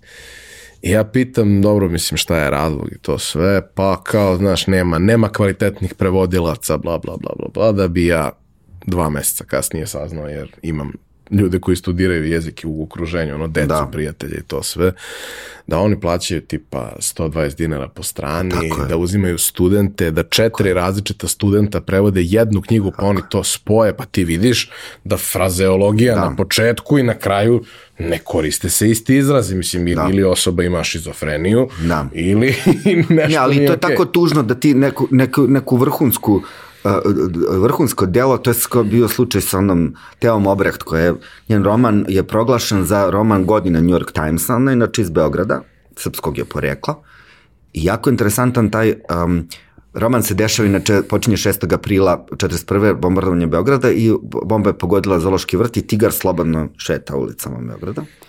I sad, dobro, ne, Ko ide, underground. Jest, ide, ide radnja i u jednom trenutku a, onda su, ne znam, ljudi izašli na groblje, iznali hranu za dan mrtvih. Sad čitam šta je dan mrtvih. Ja shvatim da ona priča o zaduš, ona, taj prevodilac, je li ona, taj prevodilac ne zna uopšte ništa o običaju tom koje koji se dešava, ja, ja bi nekako se to izgooglao, ali prosto niti je to neka sad, ja mislim, si rastao pod saklenim zvonom, da ne znaš šta su zadušnice dan kad se iznosi. Ne razmišlja. Ne, ili ne, ili možda ni ne zna, ne znam šta je u pitanju, ali te knjige, recimo, Lekovitom bilju, ima ih poslednjih nekoliko godina, to je tako skandalozno prevedeno da je to strašno, pošto ne samo da je loš prevod, nego je netačno. Pa to je jako veliki problem je... sa tim sofisticiranim stvarima gde da. razlika u, u, u jednoj reči... Ovo nije sofisticirano, ti moraš da znaš uh, da um, se biljka, um, ne znam, sladić, koja je to biljka, a ne pogrešiš kompletno. Znači ti daš potpuno drugoj biljci uh, ti, znači, pored toga imaš latinsko ime i onda kad vidim da se to, šta su uparili, potpuno drugoj biljci pišu, druga slika, sve, sve pogrešno. I to, to je ovaj, još jedna odlična knjiga koja je zapravo deo istraživanja nacionalne geografije, koji je ovaj, izdali su ovi Slovenci, ovaj, to je vrlo, ne znam kako je to uopšte došlo do toga da to bude tako jezivo prevedeno, a zapravo je knjiga vrlo kvalitetna, ti to vidiš i na osnovu toga što čitaš na srpskom, da oni apostrofiraju različite istraživanje i tako dalje, nego samo neko ne ume da prevede sa engleskog koje biljci one, a to je vrlo precizno pošto uvek ide uz taj engleski naziv ide latinski, to ima samo jedan latinski naziv za neku biljku i ti ne možeš tu da pogrešiš, Ili misliš da ne možeš pogrešiš, ali pogrešiš? u različitim krajevima se ta biljka zove drugačije. Ali a, on, a tako kako ste vi napisali čuješ... se nigde ne zove. e to je jedino. Ajde da smo napisali sad neki, imamo pet macinih trava, ne znam. Valeriana officinalis, Melisa officinalis, Nepeta katarija, Marubim vulgare, četiri. I sad to, bilo koju od njih da napišeš macina trava, to je tačno. Ali da napišeš kucina trava, to ne može, pošto to nije. Ili maslačak pošto to je neka druga biljka, ali dobro, nećemo da, da pričamo ovaj, o, o problemima, ajde da pričamo o rešenjima. Uh, taj neki period, da kažemo, tvog da, što bi rekao Galeb, formativne mm. godine, ali taj neki period koji, koji sledi u, u tom životu kada kreće studiranje, kada mm. kreće, da kažemo, prvi posao, poslovinfostu.com pitanje. Ovaj, uh, šta ti je zapravo bio prvi posao? Pa, pa ja moram da kažem, ovo na pijaci je prvi posao od koga sam da bio pare. A da sam prvi put išao u neku kancelariju i to trajalo, godinama sam ja na letnjem raspustu to radio, nije to, to bio kontinuitet, ljudi me već znali. Ali ovaj, um, prvi posao je zapravo bio u jednoj firmi koja se zvala Monteko i koja se bavila destilacijom metarskih ulja i to je zapravo bio part-time job, ovaj... ali um, svakodnevni. Sa njima su bile te orgulje. Tako je, da. Ovaj, oni su imali uh, sluha za to da ja studiram i da moram da idem na fakultet. Naš fakultet političkih nauka je takav da vi ne morate svakodnevno kad studirate, ne znam, likovnu akademiju ili medicinu, ti svaki dan ideš na ovde, ne mora svaki dan, nego ti dođeš pa vidiš, na, vidiš mesec dana, pa vidiš na šta ne treba nikada ideš, jer profesor u amfiteatru kome sedi 100 ljudi neće da priča na mikrofon, nego ovako, I onda ti tu, kako kažem, nema potrebe da dolaziš. Nadam se da to više nije tako. Posle sam radio na fakultetu, mom pet godina, to je isto divno iskustvo.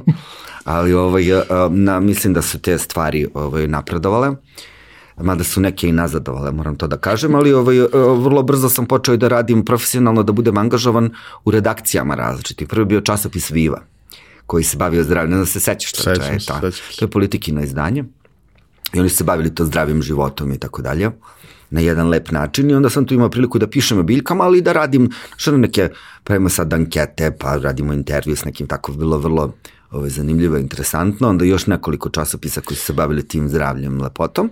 Evo da sam počeo da uređujem Jasmin, časopis koji se uređivala, jas, izdavala Jasmin parfimerije, to je bilo vrlo korisno iskustvo, da se tu naučiš kako se nešto pravi, a posebno je zanimljivo pošto je to bio retail magazin koji se besplatno deli mm. i koji um, ima veliki udeo onoga što se danas zove native. E, ja sam se bavio nativeom pre native-a, jer vi ovaj, imate svoje oglašivače od kojih se finansirate, imate proizvode koje morate da pravite tekst koji deluje kao novinarski, a zapravo nije novinarski to je super stvar bila, jer ti, ja sam odmah imao a, direktnu komunikaciju sa brand menadžerima, sa ljudima koji se bave marketingom, a, koji ti daju potpuno drugi input o tome kako bi novina trebala da izgleda. A verujte recimo sad kad uzmeš te novine Vogue, recimo, to je najviše to. To je sad što si ti talentovan da piju, to je super, baš lepo, ali to uopšte nije, na kraju dana nije presudno. I treba da bude neko ko to divno piše, ali ima da ima neko ko ume to sad da napravi, Da da, to izgleda kako izgleda. Inače, u novinarstvu ima nekoliko talenata. Jedan od njih je da lepo pišete neku temu. Jedan od njih je da umete da e, nađete sagovornika.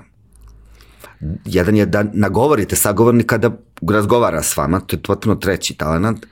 Pa onda da dođete u situaciju da znate šta da pitate tog čoveka, pošto imamo iz slučajeve čuvenih naših novinara koji dođu do najneverovatnijih ljudi na svetu i onda svaki put ih neko, neko im kaže u intervju ja nisam prava osoba da vam govorim na to pitanje tako da je to sad posebno, ali da pravite novine, to je sad jedan poseban stvar i koordinacija, organizacija sa, ne znam, dizajnerima, s ljudima koji se bave lekturom, sa ljudima koji se bave fotografijom, sa produkcijanim timom i tako dalje i to je vrlo zanimljivo, interesantno iskustvo za mene bilo.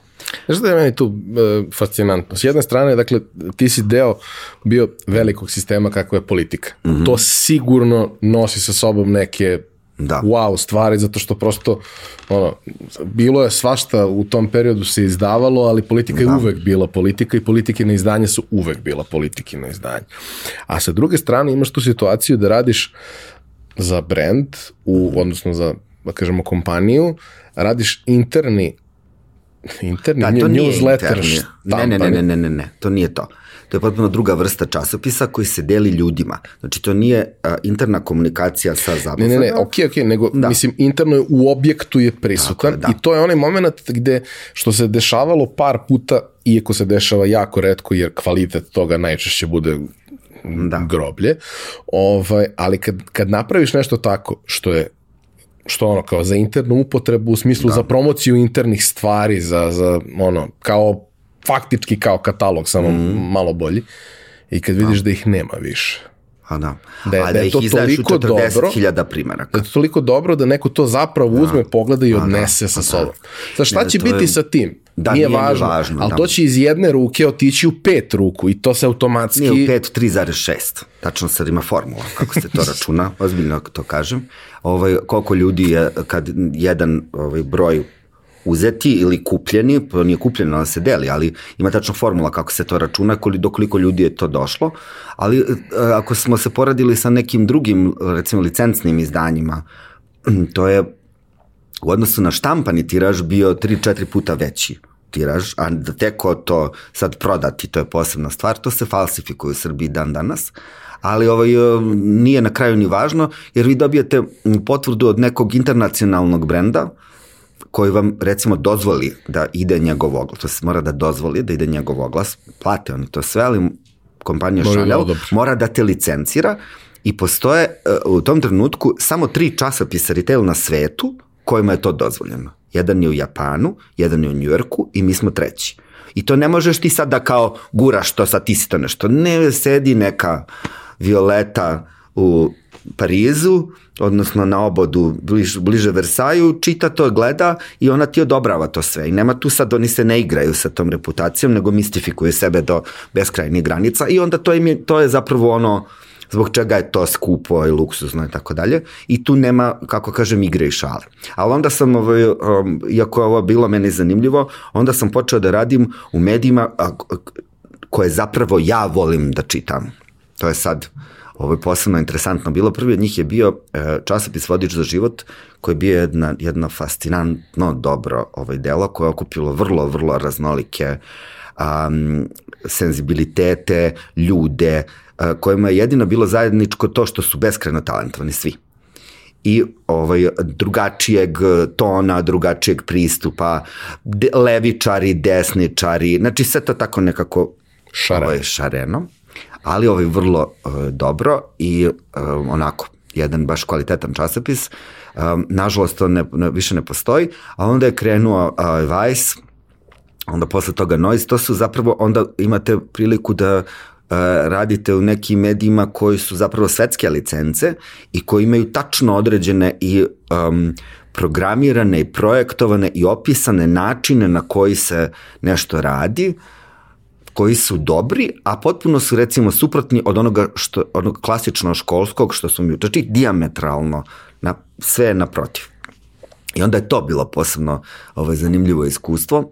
Tako da ovaj um, tu se negde um, to ovaj um, tu sam negde imao mogućnost da pišem za nešto što zaista privatno čitam i volim. Sada trenutno ja uh, imam svakog utorka svoju stalnu rubriku u jutarnjem programu uh, RTS-a, prvom kanalu, i to je ovaj, uh, jako interesantno. E, tu ja svako, svakog utorka sam u studiju i imam jedan prilog ovaj, kratki koji, koji se pušta tom prilikom. Tu tek uh, sam video kolika je zapravo i dalje moć televizije. Sad, z obzira što se mi sad bavimo svim ovim podcast YouTube-ovima, portalima i tako dalje, posebno za ono čime se ja bavim, moć televizije je neo, ne, neuporediva ni sa čim. I ovaj, vrlo često, posebno sad u poslednje vreme, poslednjih par godina, vrlo mnogo baš mladih ljudi je ušlo u moj život. To su moji prijatelji koji se, i oni niko ne gleda televiziju, apsolutno. Mm. Ali ovaj, bez obzira na to, ona je i dalje vrlo moćna stvar i generalno ja se uvijek nerviram kad mi kažu da ne gledaju televiziju, jer mislim da um, tu možete da vidite i nešto što vas možda ne interesuje i možda da čujete nekoga čije mišljenje ne, ne delite.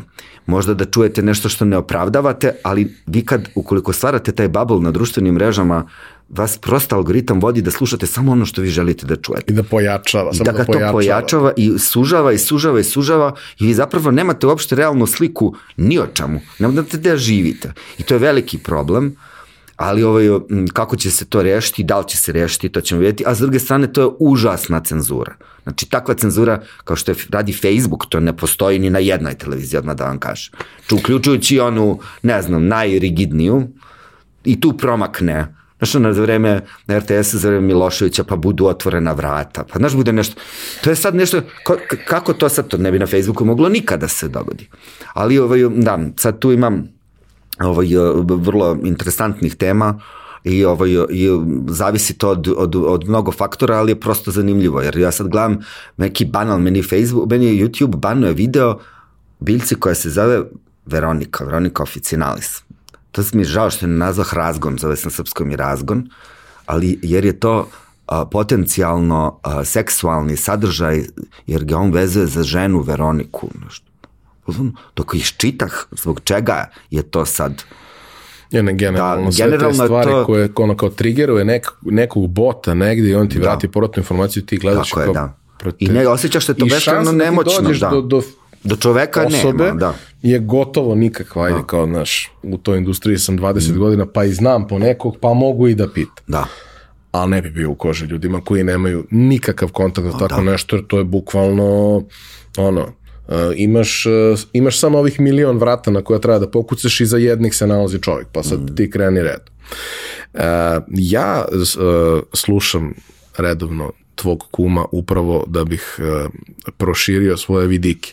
Jer dobar deo uh, gostiju i tema nisu nešto što je meni po defaultu interesantno. Tako je. A onda uhvatim da mi bude jako interesantno. Tako je. I uhvatim nešto, znaš, ko to, to sve vreme me drži, mislim, tako sam koncipirao i pojačalo negde da, ok, imamo mi neke primarne teme o kojima pričamo, ali imamo povremeno i, i teme koje su koje ja vidim logiku kako se naslanjaju na to, ali nisu baš linearno, da kažeš, vezane jedan na jedan. Da. Kao što je i ova između ostalo.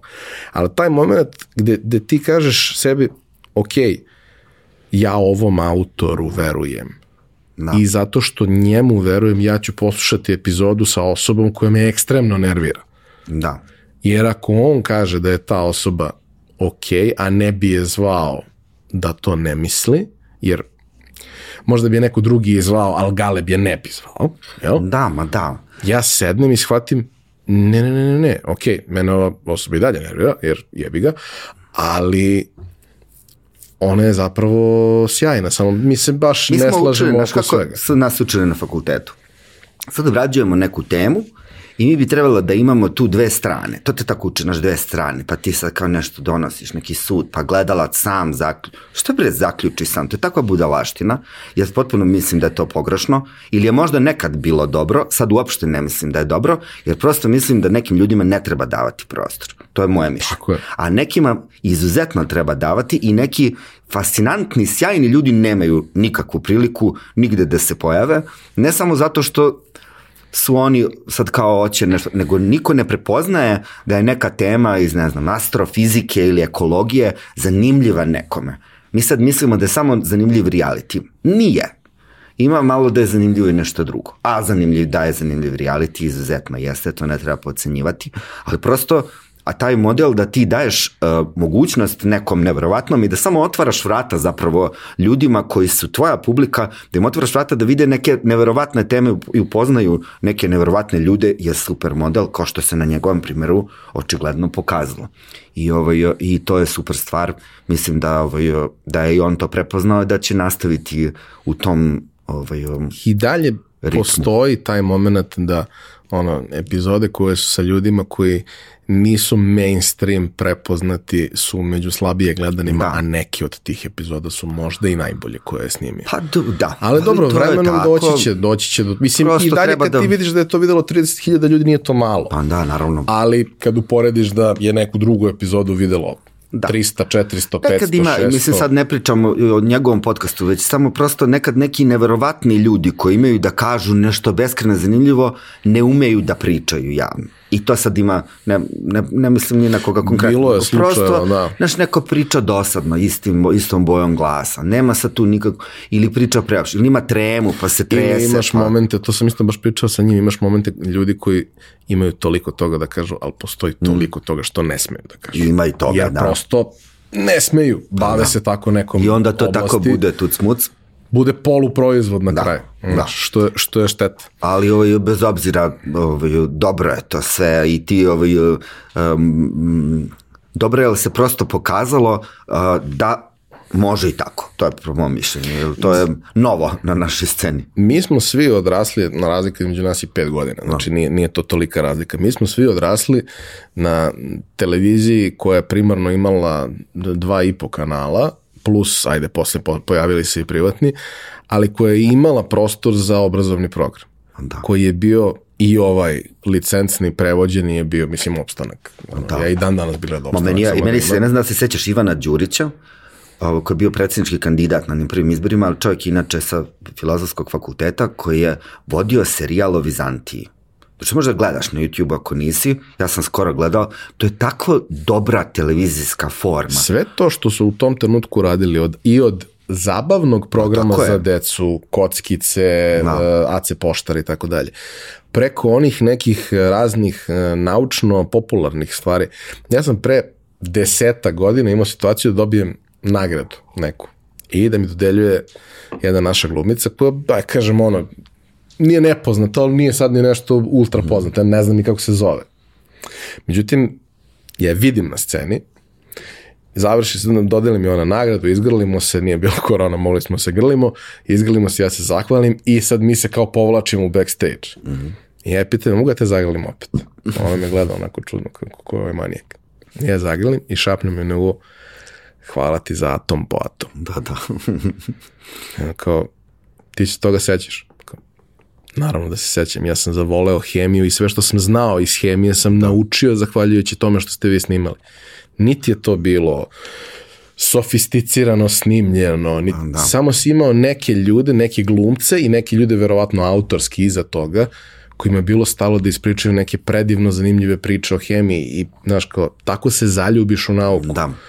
Opada je pažnja, generalno i to je veliki problem, posebno kod dece, a ovaj, i kod odraslih ljudi, jer ne znam, u jednom broju New York Timesa ti imaš više informacija nego što je jedan engleski džentlmen u 18. veku za ceo život pročitao.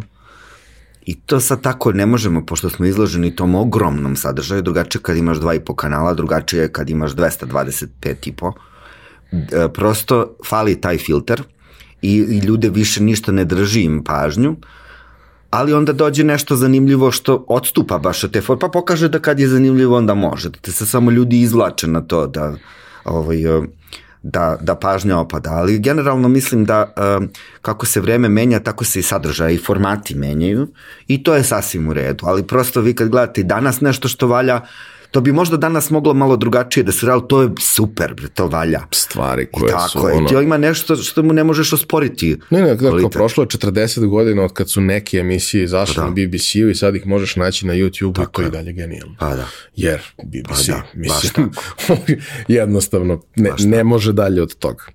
A, zapostavili smo biljke, mm -hmm. odnosno pričali smo o tvojoj tvom profesionalnom usavršavanju, u tom trenutku tvoj hobi i uh, sajt, odnosno blog, odnosno taj neki deo autorstva je i dalje živ. Koliko se ti uopšte baviš time, tad i na koji način? A, kada misliš kada Od sam 2000 da...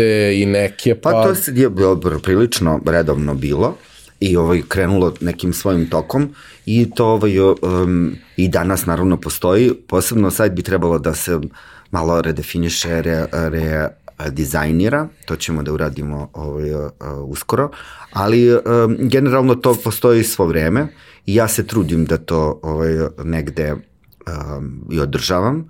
Uh, izlazi u blicima dodatak svoj utorkom uh, u zdravom životu, izlazi svakog utorka tu tekst, pa onda to budu tekstovi koji se dele i na, na mom sajtu i to ovaj, ide nekim svojim ritmom, ima ga, ali ovaj, um, prvenstveno mislim da će ova godina biti u znaku upravljanja proizvoda koji se bave tim. I prošle godine sam uradio nešto što je jako zanimljivo, a to je da sam prvi put organizovao školu poznavanja lekovitog bilja, biljarnica, i ona se održavala, postojale su dve forme, jedna je bila uživo, jedna je bila online, jer svako predavanje, odnosno svaki naš susret je sniman i onda sam ja to kačio i slao kao privatni link ljudima koji nisu bili u prilici da ovaj, to gledaju. To sam prvenstveno uradio zbog epidemijske situacije. To je bilo super jer ja sam imao 30 ljudi koji su išli, 28 koji su išli u živo i 32 koji su to pratili online i um, zaista je to bilo jedno neverovatno iskustvo. Uh, sve se to dešavalo, uh, imali smo predavanja sredom uveče šest, koje se dešavalo u bašti Nove Iskre na, na Gavrila Principa, koja zapravo ima medonosni vrt, izgleda jedno neverovatno mesto u samom centru grada, a opet sa svim tim biljkama i tu, pošto smo imali mogućnost da sedimo tu napolju prijatno, krenuli smo u maju, pa je to trebalo do jula i onda smo imali priliku i da tu pravimo meleme, tinkture, da govorimo o raznim biljkama, da vidimo te biljke, da nesemo i tako dalje. A imali smo subotom a, jel, nastavu u prirodi, išli smo da ovaj, pokazujemo kako te biljke zaista izgledaju. I to je zaista stvarno bilo jedno super iskustvo. I ti ljudi koji su se prijavili su um, me ba, ne mogu da kažem prijatno iznenadili, ali zaista su mi postali dragi i nekako svi su um, divno reagovali i dali svoj doprinos ovaj, svemu tome. A, uvek kada su tako velike grupe, uvek bude neko ko ima neki problematičan, tako da ne ovo sve bilo tako divno i sada smo ponovo organizovali, ovaj, odnosno postavili tu online verziju škole, koja je krenula, sad će biti da bude treće predavanje u sredu, koja je zapravo i je, se samo postoji u online varijanti, jer je vreme takvo da ne možemo s biljkama, ali za sledeću godinu imam velike planove kako to može. Ova je bila ta nulta prima verzija, proto verzija zapravo, um, mislim da će to još da bude ovaj, usavršenije, iako se ova pokazala jako dobrom. E, tako da i na taj način se stvara jedna zajednica koja je ovaj, divna, postoje još neki projekti koji edukativnog karaktera koje, na kojima želim da radim i mislim da je to jako važno i reakcije ljudi su zaista sjajne. Pored toga što hoću da se bavim obrazovanjem, svi kad mi pitaju šta su planovi, ja kažem obrazovanje i turizam. svi gledaju tako ko budalu, ali zapravo mislim da je to super stvar da ti a, organizuješ i vodiš nekoga za vikend, neku planinu, da može da vidi kako neka biljka izgleda, kako da je ubere, kako da je osuši, kuvamo sad sa divljim biljkama u prirodi i tako dalje. To je jedna super stvar. Jedan moj prijatelj koji je radio na IT kompaniji, oni su imali neki, to nije baš bio team building, ali više neki rad u prirodi, pa su bili na divčibarama i onda posebno ti IT vole da idu u šumu, to sam pokazala, ima njih nekoliko koji su mi se javljali i ovaj, a, I onda su oni bili očajni da su hteli da nađu nekog da im pokaže, znaš ono vide pečurke, vide ko je, ovo, ni jedva nije bilo Boga da nađu, neko našao na kraju neku ženu, to nije bilo sjajno, ali prosto ima potencijala i to, ta vrsta aj kažem, to jeste neka vrsta i obrazovanja, ali i turizma i mislim da je vrlo, vrlo interesantna i potpuno neiskorišćena i da ima mnogo mesta u Srbiji, to smo otkrili prošle godine kada smo i pretprošle kada smo bili prinuđeni i osuđeni na našu zemlju, da vidimo da, ovaj, da zaista ima nevjerovatnih prelepih mesta u Srbiji. Sad koliko god to bilo divno, ja se uvek plašim da ćemo mi to da devastiramo, jeste, ali ovaj, dobro, nadam se da nećemo, ali bih voleo da uh, prosto ljudi izađu malo više u prirodu i da nauče da mogu divno da se provedu i na planini, da malo kampujemo, da malo vidimo kako se lovi riba u reci, kako se beru biljke, kako se ovaj, pravi veštačko đubrivo od gaveza. Tako da, ovaj, pa da, ne, dovodimo da vidimo neke plantaže, kako se destiluju ulje. Vi sad hoćete prodestilujete svoje ulje, evo vi ste nabrali smilje, pa ćemo sad to da uradimo. To sad sve mogu da budu interesantne stvari koje postoje, ja da se razumemo, nije to, to postoji sve u Francuskoj, u Italiji, to su sve modeli koje nisam sad izmislio toplu vodu, ali to kod nas ovaj, nekako je na nekom, ili ne postoji uopšte, ajde baš da ne budem prestrog, ali na nekom rudimentarnom nivou. Uh, pa sad imaju te plantaže lavande, pa su tu influenceri došli Dođu, pa, pa uništili. Da, ali nešto se slikaju, nek se slikaju, nego što unište kompletno, to meni za batine. Ja mislim da je ono, naš, fizičko nasilje pocenjeno. Šalim se, ali ovaj, uh, šalim se naravno, ali uh, zaista je to je nekako tužna uh, slika, koja ne mislim ni da je specifikum naš, da se razumemo, nego, nego da je prosto generalno, slika generalno društva. dođu devastiraju, to je da, dobro, da. Tako da ovaj, bih volao da malo ljudima pokažem i prikažem šta sve divno i lepo u Srbiji može se vidi da se nauči i kako može da se uživa na čistom vazduhu, a, ali ovaj planiram i sa jel tu svoju proizvodnju, pa ću to nekako da sve sažmem u jedan biznis model i da radim ono što zaista, zaista duboko volim, a da ja ceo život radim ono što volim i beskreno sam zahvalan ovaj, na tome. U svakom poslu ima dana kad ne biste da ustanete iz kreveta, pa biste da kod kuće i tako, ali kao neko ko ima prilično fleksibilno radno vreme, moram da kažem da rad od kuće zahteva ozbiljnu samodisciplinu i to ko poželi da to radi, to su sad videli većina ljudi koji su radili od kuće, to je jedna jako na kraju teška stvar, svi su jedva dočekali da se vrate ovaj, u kancelarije, ali ovaj, uh, nadam se da, ću, da će moja kancelarija mnogo češće biti šuma. ono što bih isto volao da te pitam, zato što to jeste, da kažem, značajna, značajna stvar kada je ovaj, tvoj profesionalni razvoj u, u pitanju i, i činjenica da si da kažemo, dostigao neku širinu koju većina ljudi koja se bavi time apsolutno nema i koja se interesuje za to, to su putovanje. Uh mhm. -huh. Ti voliš da putuješ, taj deo smo uh mhm. -huh. shvatili, napisao si i knjigu da. ovaj, o tome. Uh, koje su ti putovanja bila najinteresantnije, koja su ti, ne kažemo, najvrednije iskustva koje si poneo sa tih putovanja, stvari koje si naučio, stvari sa kojima si se upoznao? Najvrednija stvar koju sam naučio na putovanjima je da nit smo najbolji, nit smo jedini. I to kad čovek putuje, onda to vidi. A, I ja moram da kažem da u toj knjizi koju sam izdao, kako sam postao putnik i prestao da budem turista, ima jako mnogo egzotičnih mesta.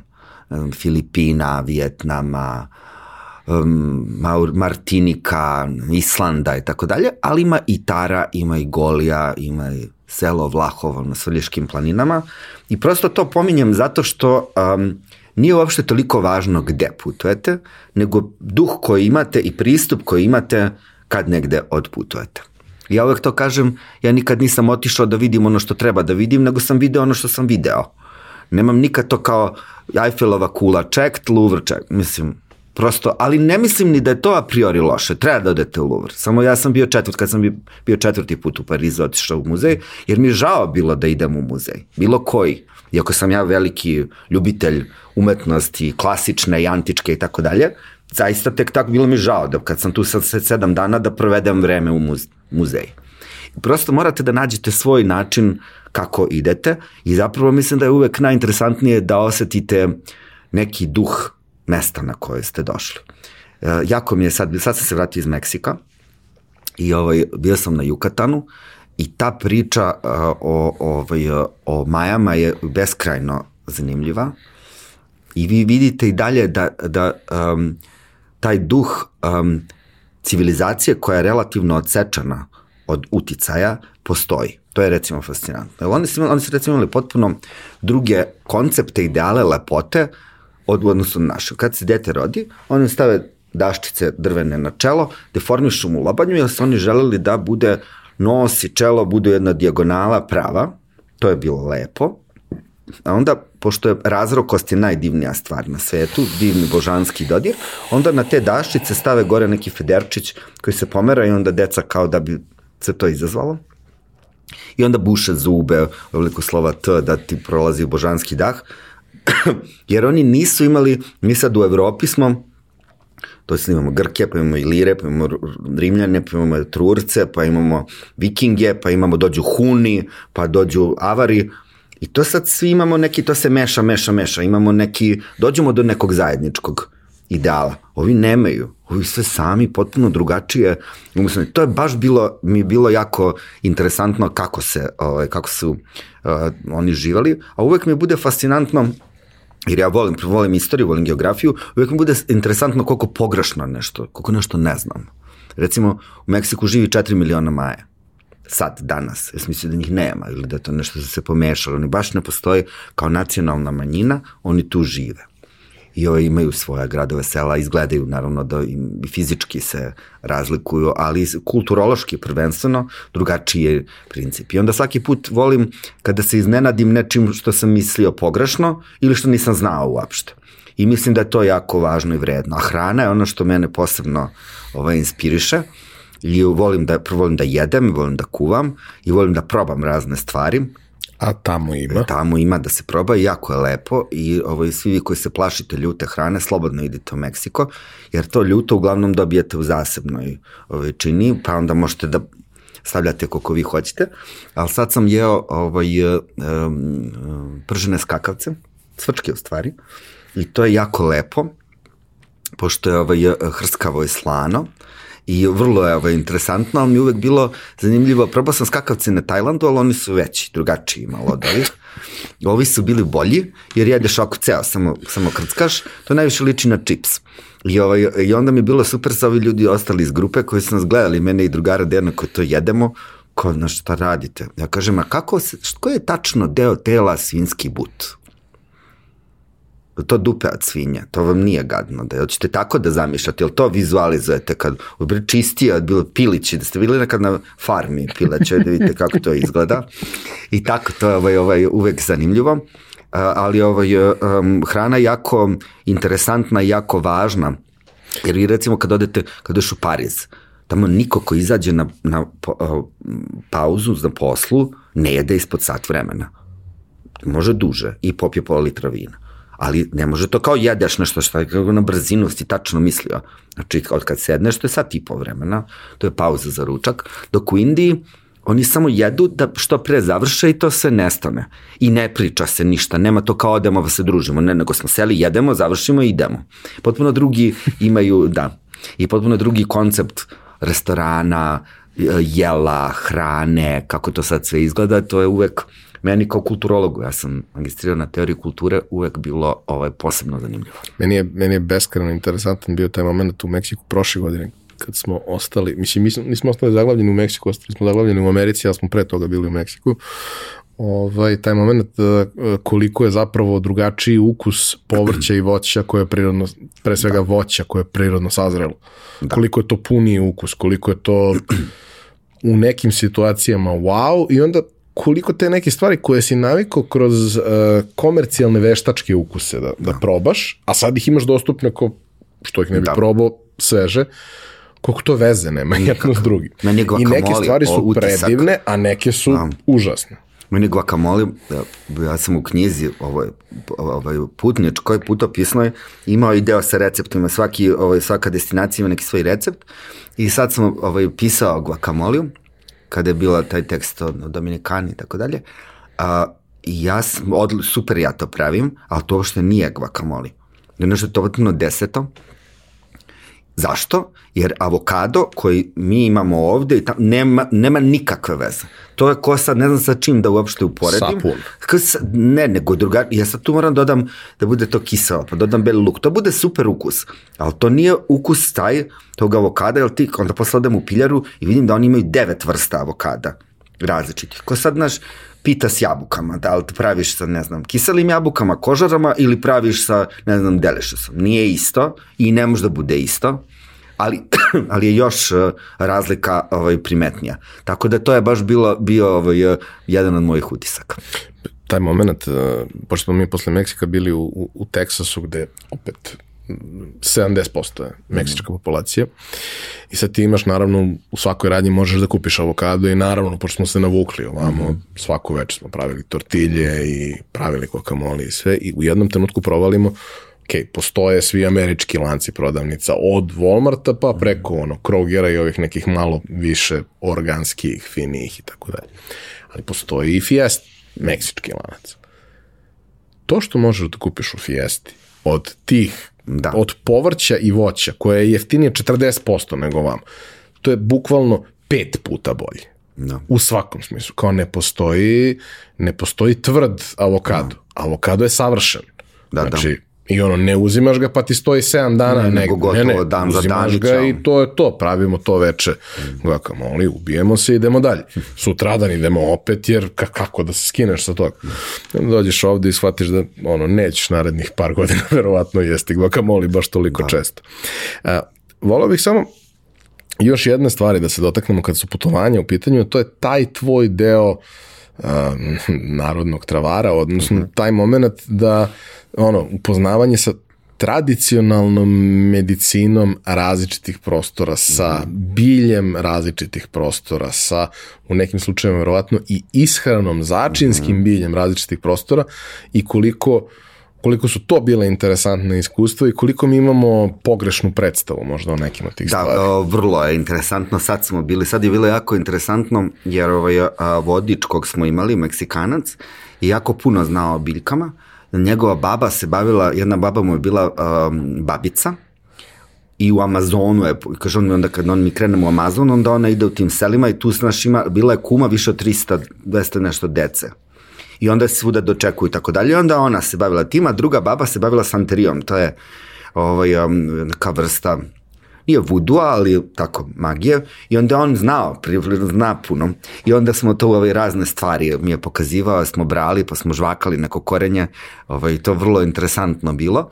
Ali ovaj, generalno vrlo vidite koliko to ima sličnosti sa um, našim negde pristupom kako se uh, to radi, a onda odete recimo, može da bude vrlo slično, a može da bude i vrlo različito, jer kad odete u Kinu, pošto sam bio, kad sam bio u Pekingu, na pregledu kod uh, tradicionalnog lekara uh, kineske medicine i onda kad vidite kako, šta on radi, kako gleda i kakav, kako izgleda pravljanje na licu mesta recepta baš za vas, to je, um, nažalost, nešto što je potpuno izgubljeno kod nas ta vrsta načina. To je negde i ovo što bi ja voleo da ovaj, um, vratim, a to je da kad dođeš kod nekoga da te on sasluša pa napravi nešto baš za tebe, ali ovaj, uh, neke kulture su izuzetno um, sačuvale poštovanje prema svoje tradiciji i vi to možete vidjeti i u Nemačkoj, i u Austriji, i u Francuskoj, a možete da vidite naravno u Kini i u nekim drugim zemljama, da je to vrlo, uh, vrlo sačuvano kao, kao ovaj način. Na nekim, neke zemlje su siromašne,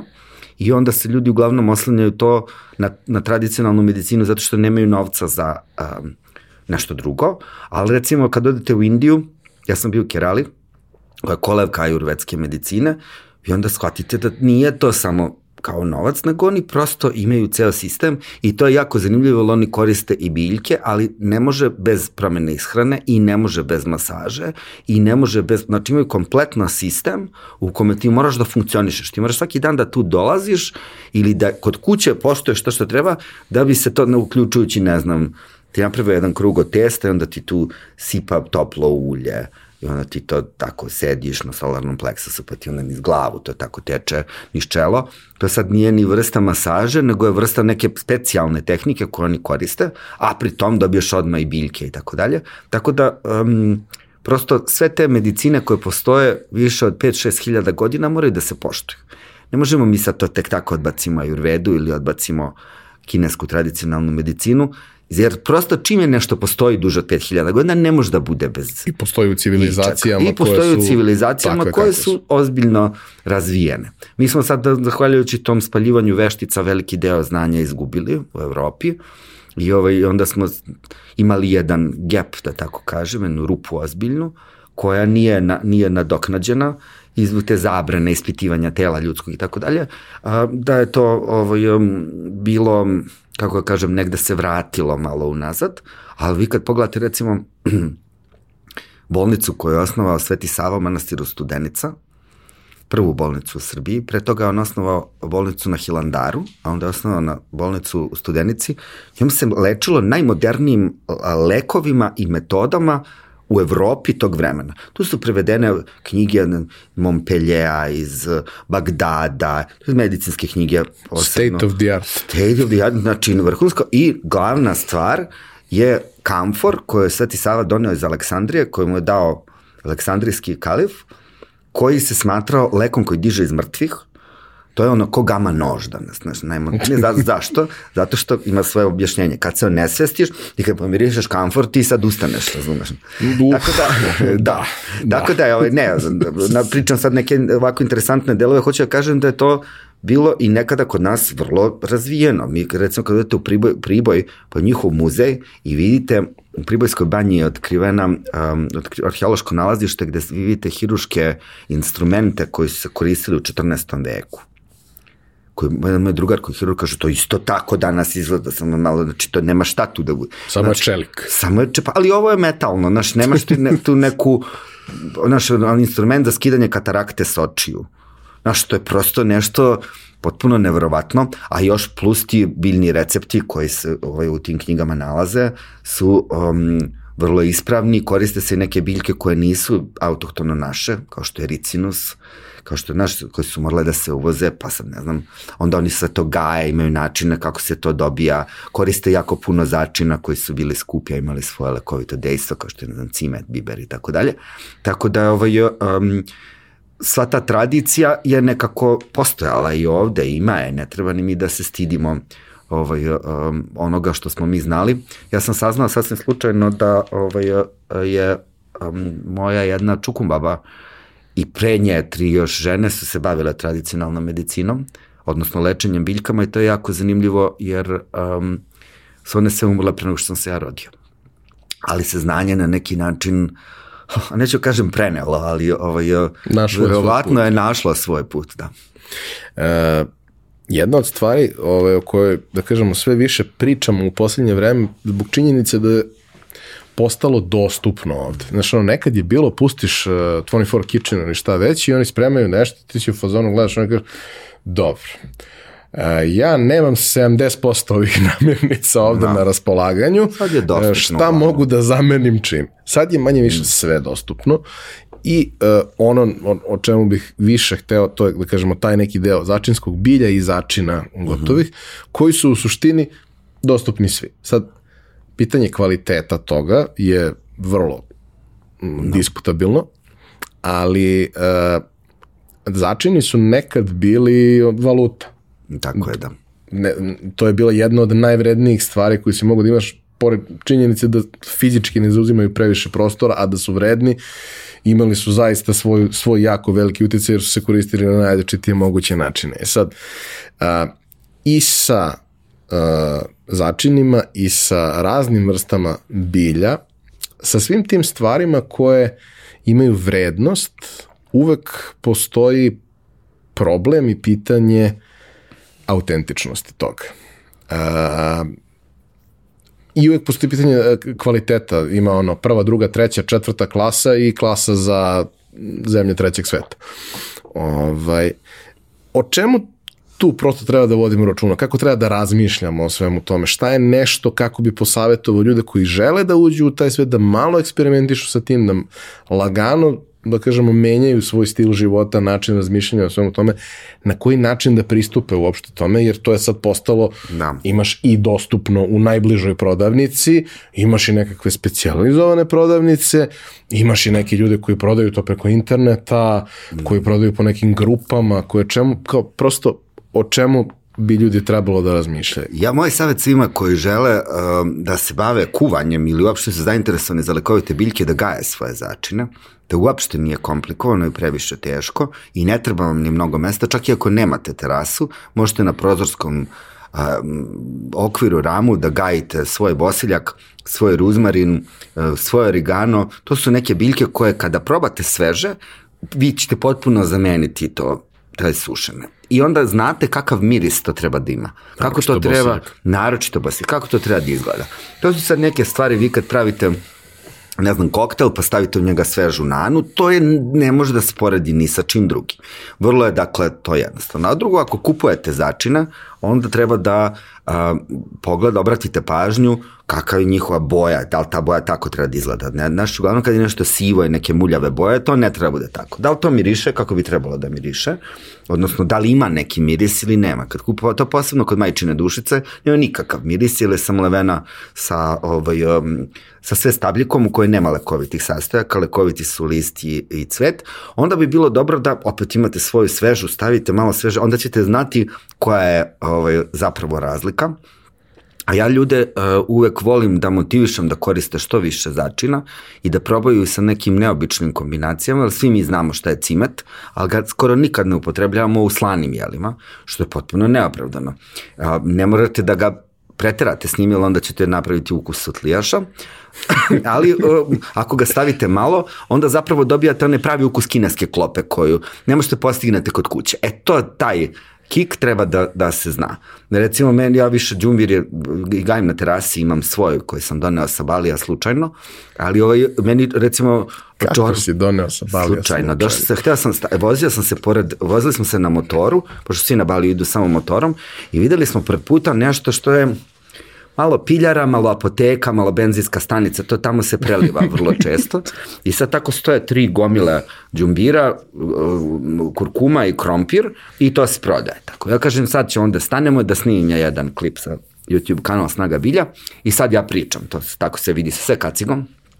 I ovaj džumbir, kurkuma, tralal, međutim tolika je buka bila po, pošto je to sa, pored saobraćajnica, da nije sam uspeo to da iskoristim na veze, ali ja sam to taj džumbir uzeo, kupio, ili su mi ga poklonili, ne mogu da se setim. I onda sam to stavio u neku kesicu kao u ranac. I onda kad sam došao kuće, onda sam to stavio kao da mi stoji u, ne znam, koferu, I kad sam se raspakivao sam to zaboravio da izvadim, to je u nekom zađepku bilo.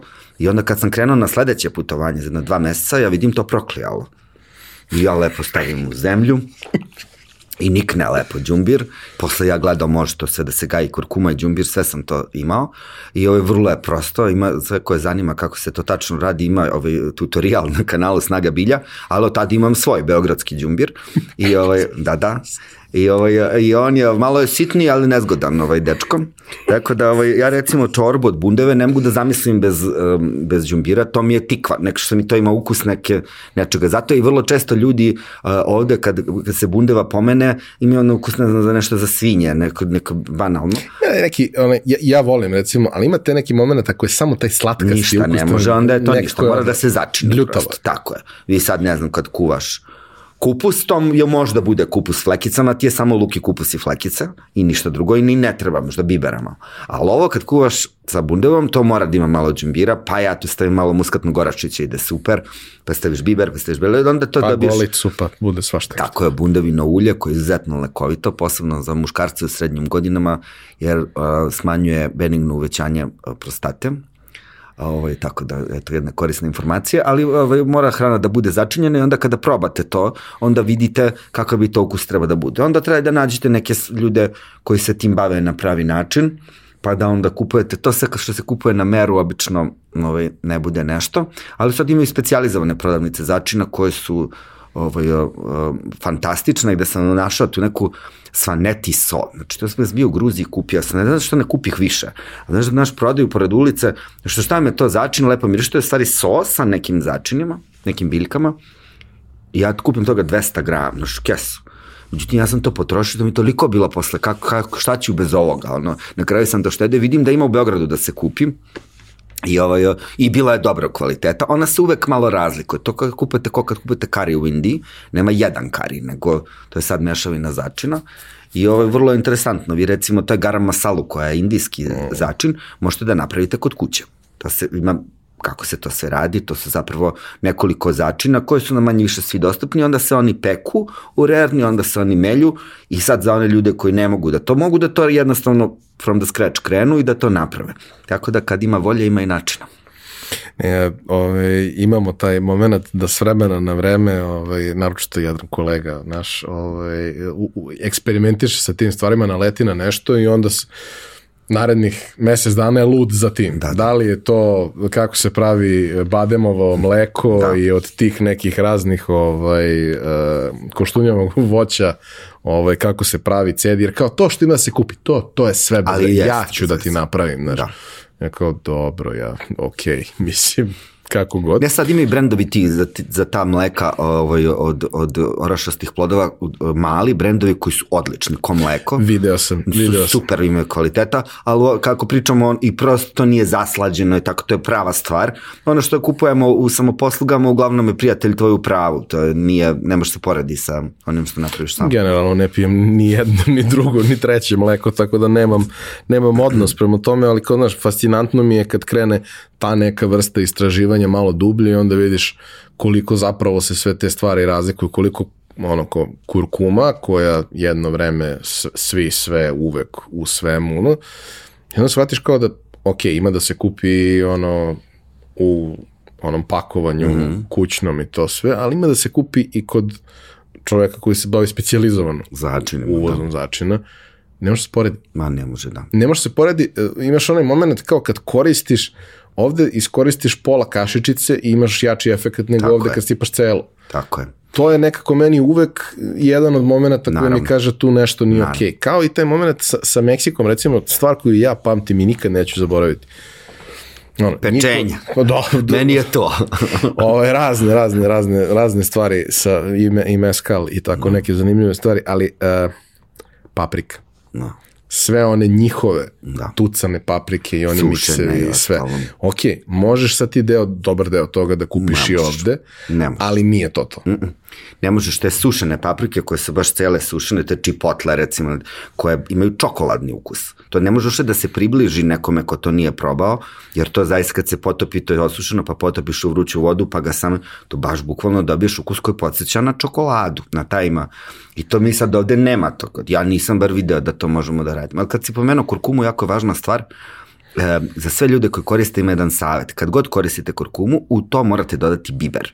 Zato što um, kurkuma sadrži te lekovite antiinflamatorne uh, substance, kurkuminoide, koji uh, deluju jako dobro, e, sprečavaju recimo ljudi koji imaju problem sa iritabilnim kolonom, nervoznim crevima, artritis, upale kože, psorijaze i tako dalje, ali da bi delovalo u našem digestivnom sistemu mora da se unese piperin iz crnog bibera da bi je aktivirao kurkumu. Dakle, ona se ne resorbuje ukoliko ne dodate biber. Tako da kad god dodajete kurkumu, uvek obavezno dodajte crni biber da bi to imalo jelo i lekovito uh, svoje dejstvo, tako da to je jedna mala tajna, a vrlo ovaj, uh, vrlo korisno. Hajde za kraj da te pitam za još neki savjet. Ajde. Znači, nešto što uh, što ti prvo pada na pamet, a da može da bude blisko nekoj široj publici koja hoće da proba da eksperimentiše, o čemu treba da Počnite vodi računa. svaki dan čajem od majčine dušice. To Dobro. pite mesec dana. Pa onda zamenite čajem od zove. Pa onda Posle zove pređite na matičnjak, pa posle matičnjaka na bosiljak, kupite lep, dobar bosiljak i to pite svakog meseca menjajte, pite mesec dana, naviknite sebe da ujutru kad ustajete, ako pijete kao ja recimo pijem kafu, ja kuvam paralelno kafu i kuvam paralelno čaj. I dok ja popijem kafu, čaj, taj, čaj je taman odstoja od 20 minuta, pola sata, a za biljke sa esencijalnim metarskim uljima to je otprilike dovoljno, ove taninske moraju da stoje duže, samo uvedite tu jednu naviku u toku dana, i tako godinu dana prođite, vi ćete biti zdraviji sasvim sigurno. Po, poboljšat ćete kvalitet svog života, tu nema greške. Onda ćete moći da eksperimentišete sa nekim drugim biljkama, da vidite šta vam najviše odgovara, onda ćete se možda zainteresovati kako te biljke deluju, pa ćete ići na kanal snaga bilja, ali ovaj, generalno sve ove biljke koje sam pomenuo su vrlo korisne, imaju jako širok spektar dejstva, a nisu štetne. I mogu da ih koriste, mogu da ih piju deca. I onda kad počnete da navikavate svoju decu dok su sasvim mala na te ukuse biljne čajeva, onda neće biti problem kasnije u životu da, se, da to bude sastavni deo ovaj, njihovog života, a ne da bude nešto pretirano ozbiljno i molim vas da, da uh, kupujete prave cele biljke, da ne koristite uh, čajeve u kesicama uh, iz nekoliko razloga. Prvo, te kesice nisu biorazgradive u potpunosti, to je prva stvar. Druga stvar, ti čajevi su samleveni do te mere, a kada se biljke samelju, one mnogo brže gube svoj lekoviti efekat. Ne znam zašto je nekome teško da ima cediljku jednu kod kuće, to tačno 4 Posebno sekunde od kako treba da je došlo vreme čaj. Ike i tako ima je. onaj uređaj. Ima ona tako već napravljena ovaj, stvarčica kad kuvate sve biljke, jako je važno prosta stvar, ali da poklopite to što ste skuvali, jer etarska ulja vetre i da ni, većina ovih mirisnih biljaka se ne kuva, već se samo preliva ključalom vodom. Dakle, trebalo bi da znate neke samo osnovne stvari, da stavite dovoljnu količinu biljke, treba otprilike jedna kašika na ovaj, šolju vode, ali bukvalno to su sve stvari koje zaista deluju možda malo i sitno, ali bukvalno to je ono o čemu smo pričali kao prevencija. Mogu da vam zaista promene život kada počnete redovno da ih praktikujete. A od začina? Od začina koristite sve što uh, vam dođe pod ruku, posebno koristite sveže začine. Nekad smo pričali da su začini bili jako skupi, bili moneta zapravo, ali to su začini kao što je biber, kao što je cimet, kao što je muskatni oraščić kardamom, koji su nama ovde na ovom evropskom području bili egzotični. Ali sirotinja je uvek koristila ruzmarin i majčinu dušicu, prvenstveno iz dva razloga, da sačuva trajnost nekog proizvoda, jer to su sve substance koje deluju antioksidansno. Znači, smanjuju delovanje slobodnih radikala koji izazivaju propadanje hrane, truljenje mesa i tako dalje, ali izazivaju i starenje kao proces. Dakle, sve ono što se dešava u našem organizmu vezano je za starenje, vezano za slobodne radikale i onda kada unosite te biljke žalfiju, recimo ruzmarin, majčinu dušicu, vi na taj način a, koristite to njihovo svojstvo i čak i u količini, recimo posebno ruzmarin koji stavljate u jelo, to ima svoje lekovito dejstvo. Nekada je to samo miris, ali nekada je ovaj, to ukus. Budite pažljivi, posebno te sve mirisne biljke ne treba dugo da se kuvaju, nego se dodaju na kraju. To recimo posebno važi za peršun, koji je jedan od mojih omiljenih biljaka, jer je to najbolji izvor gvožđa, um, kalcijuma, nekih drugih mikroelemenata, deluje snažno antiseptično, posebno za ljude koji imaju problem sa urinarnim infekcijama, ali je jako uh, dobar začin koga koriste recimo na Bliskom istoku kao sastojak. Ima, sa, ima salata sa dve šake peršuma. I to bude, dobro. to bude jako dobro, jer ovaj, tu ne znam, paprika, masline, limun, lešnik, ide mi voda na usta. I ovaj, doda se u to peršun, maslinovo ulje, to zaista bude super kombinacija. I ne treba nikada peršun pretirano sitno seckati, nego ga uvek ostaviti malo krupnije, ali na taj način se njegov miris sačuva u jelu. Ako ne volite peršun, vi koristite nešto drugo. Ja ne volim korijander, Jer ovaj, Još jedan. Da. Ne, mi, a, postoji moja drugarica koja je doktor molekularne biologije, mi je objasnila da 9% ljudi na svetu ima neki gen i mi drugačije, poseban, i mi drugačije doživljavamo ukus korijandara. Meni je ne, nepojamno da neko jede to lišće, jer meni to smrdi buba i šampon, nije me još nevezan za hranu, ali mi ona objasnila da drugi ljudi to tako ne doživljavaju, ali tako, dok semenke korijandera nemam nikakav problem sa njima. Korijander, inače, ime potiče korijandrum sativum na latinskom, um, korijandrum je stenica na grčkom jeziku, to je iz grčkog došlo, tako da ta moja teorija o smrdi bubi nije utemeljen. Nije pretarano daleko. Momčilo, hvala ti. Ja verujem da uh, je ova godina godina kada ćeš se definitivno posvetiti svojoj glavnoj strasti. Ne verujem da ćeš napustiti novinarstvo jer to jeste nešto što si takođe Neću. ti, ali da ćeš imati više fokusa na ovo i ako na bilo koji način mogu da ti pomognem u celom tom procesu, vrlo rado ću to učiniti.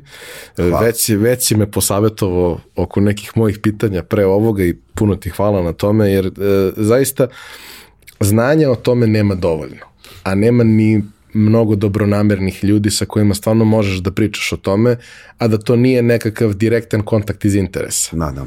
Ovaj, tako da, siguran sam da nisam jedini koji te pita, verujem da te gomila ljudi nešto pita. Da Pita i ja se stvarno trudim da svima odgovorim. A, ne polazi mi za rukom, uvek promakne neko negde na, na Facebooku, na Instagramu, na YouTubeu, promakne mi nekad, ljudi mi pišu mailove i tako dalje. Ja sam da me ljudi sad pogrešno ne shvate. Ja e, te ljude i pozivam da me pitaju i zaista stvarno hoću da, pošto je veliki broj, njih nekad nešto promakne, ja se izvinjavam unapred, to ovaj, bi zahtevalo, ne znam kako da kažem, jednu, jedno radno vreme ozbiljno, da bi bilo baš ovaj, kompletno onako kako bi trebalo da bude, ali zaista se trudim da odgovorim a, svakome. I, ovaj, a, i ljudi to i vide, ali ja još jedna stvar, ne verujem u tajne, ja mislim da je to ovaj, um, um, stvar koja je potpuno um, precenjena, to mi se stalno pitaju kako tako daješ recept, mislim, ti, ti znaš da napraviš recept, ti nismo ti ja uopšte konkurencija. Ali o, da, o, na, hoću ja tebi da se zahvalim, bilo je zaista zadovoljstvo ovaj, razgovarati s tobom i nastavi da radiš ovo onako, ovako kako radiš, jako je dobro. Hvala ti puno. Vi, ako imate neko pitanje, a niste dobili odgovor, pa budite malo uporniji ako vam je stvarno važno. Takođe, za sva pitanja, komentare, sugestije i vezano za pojačalo ili vezano konkretno za ovo gostovanje, imate za to komentare na YouTube-u, pa iskoristite to, ja ću se potruditi i ja da odgovorim na sve što je za mene, a i sa momčanom da vidim da on odgovori na sva vaša eventualna pitanja. Hvala vam na pažnji što ste nas gledali ili slušali ko šta voli i to bi bilo to. Mi se vidimo i čujemo ponovo sledeće nedelje.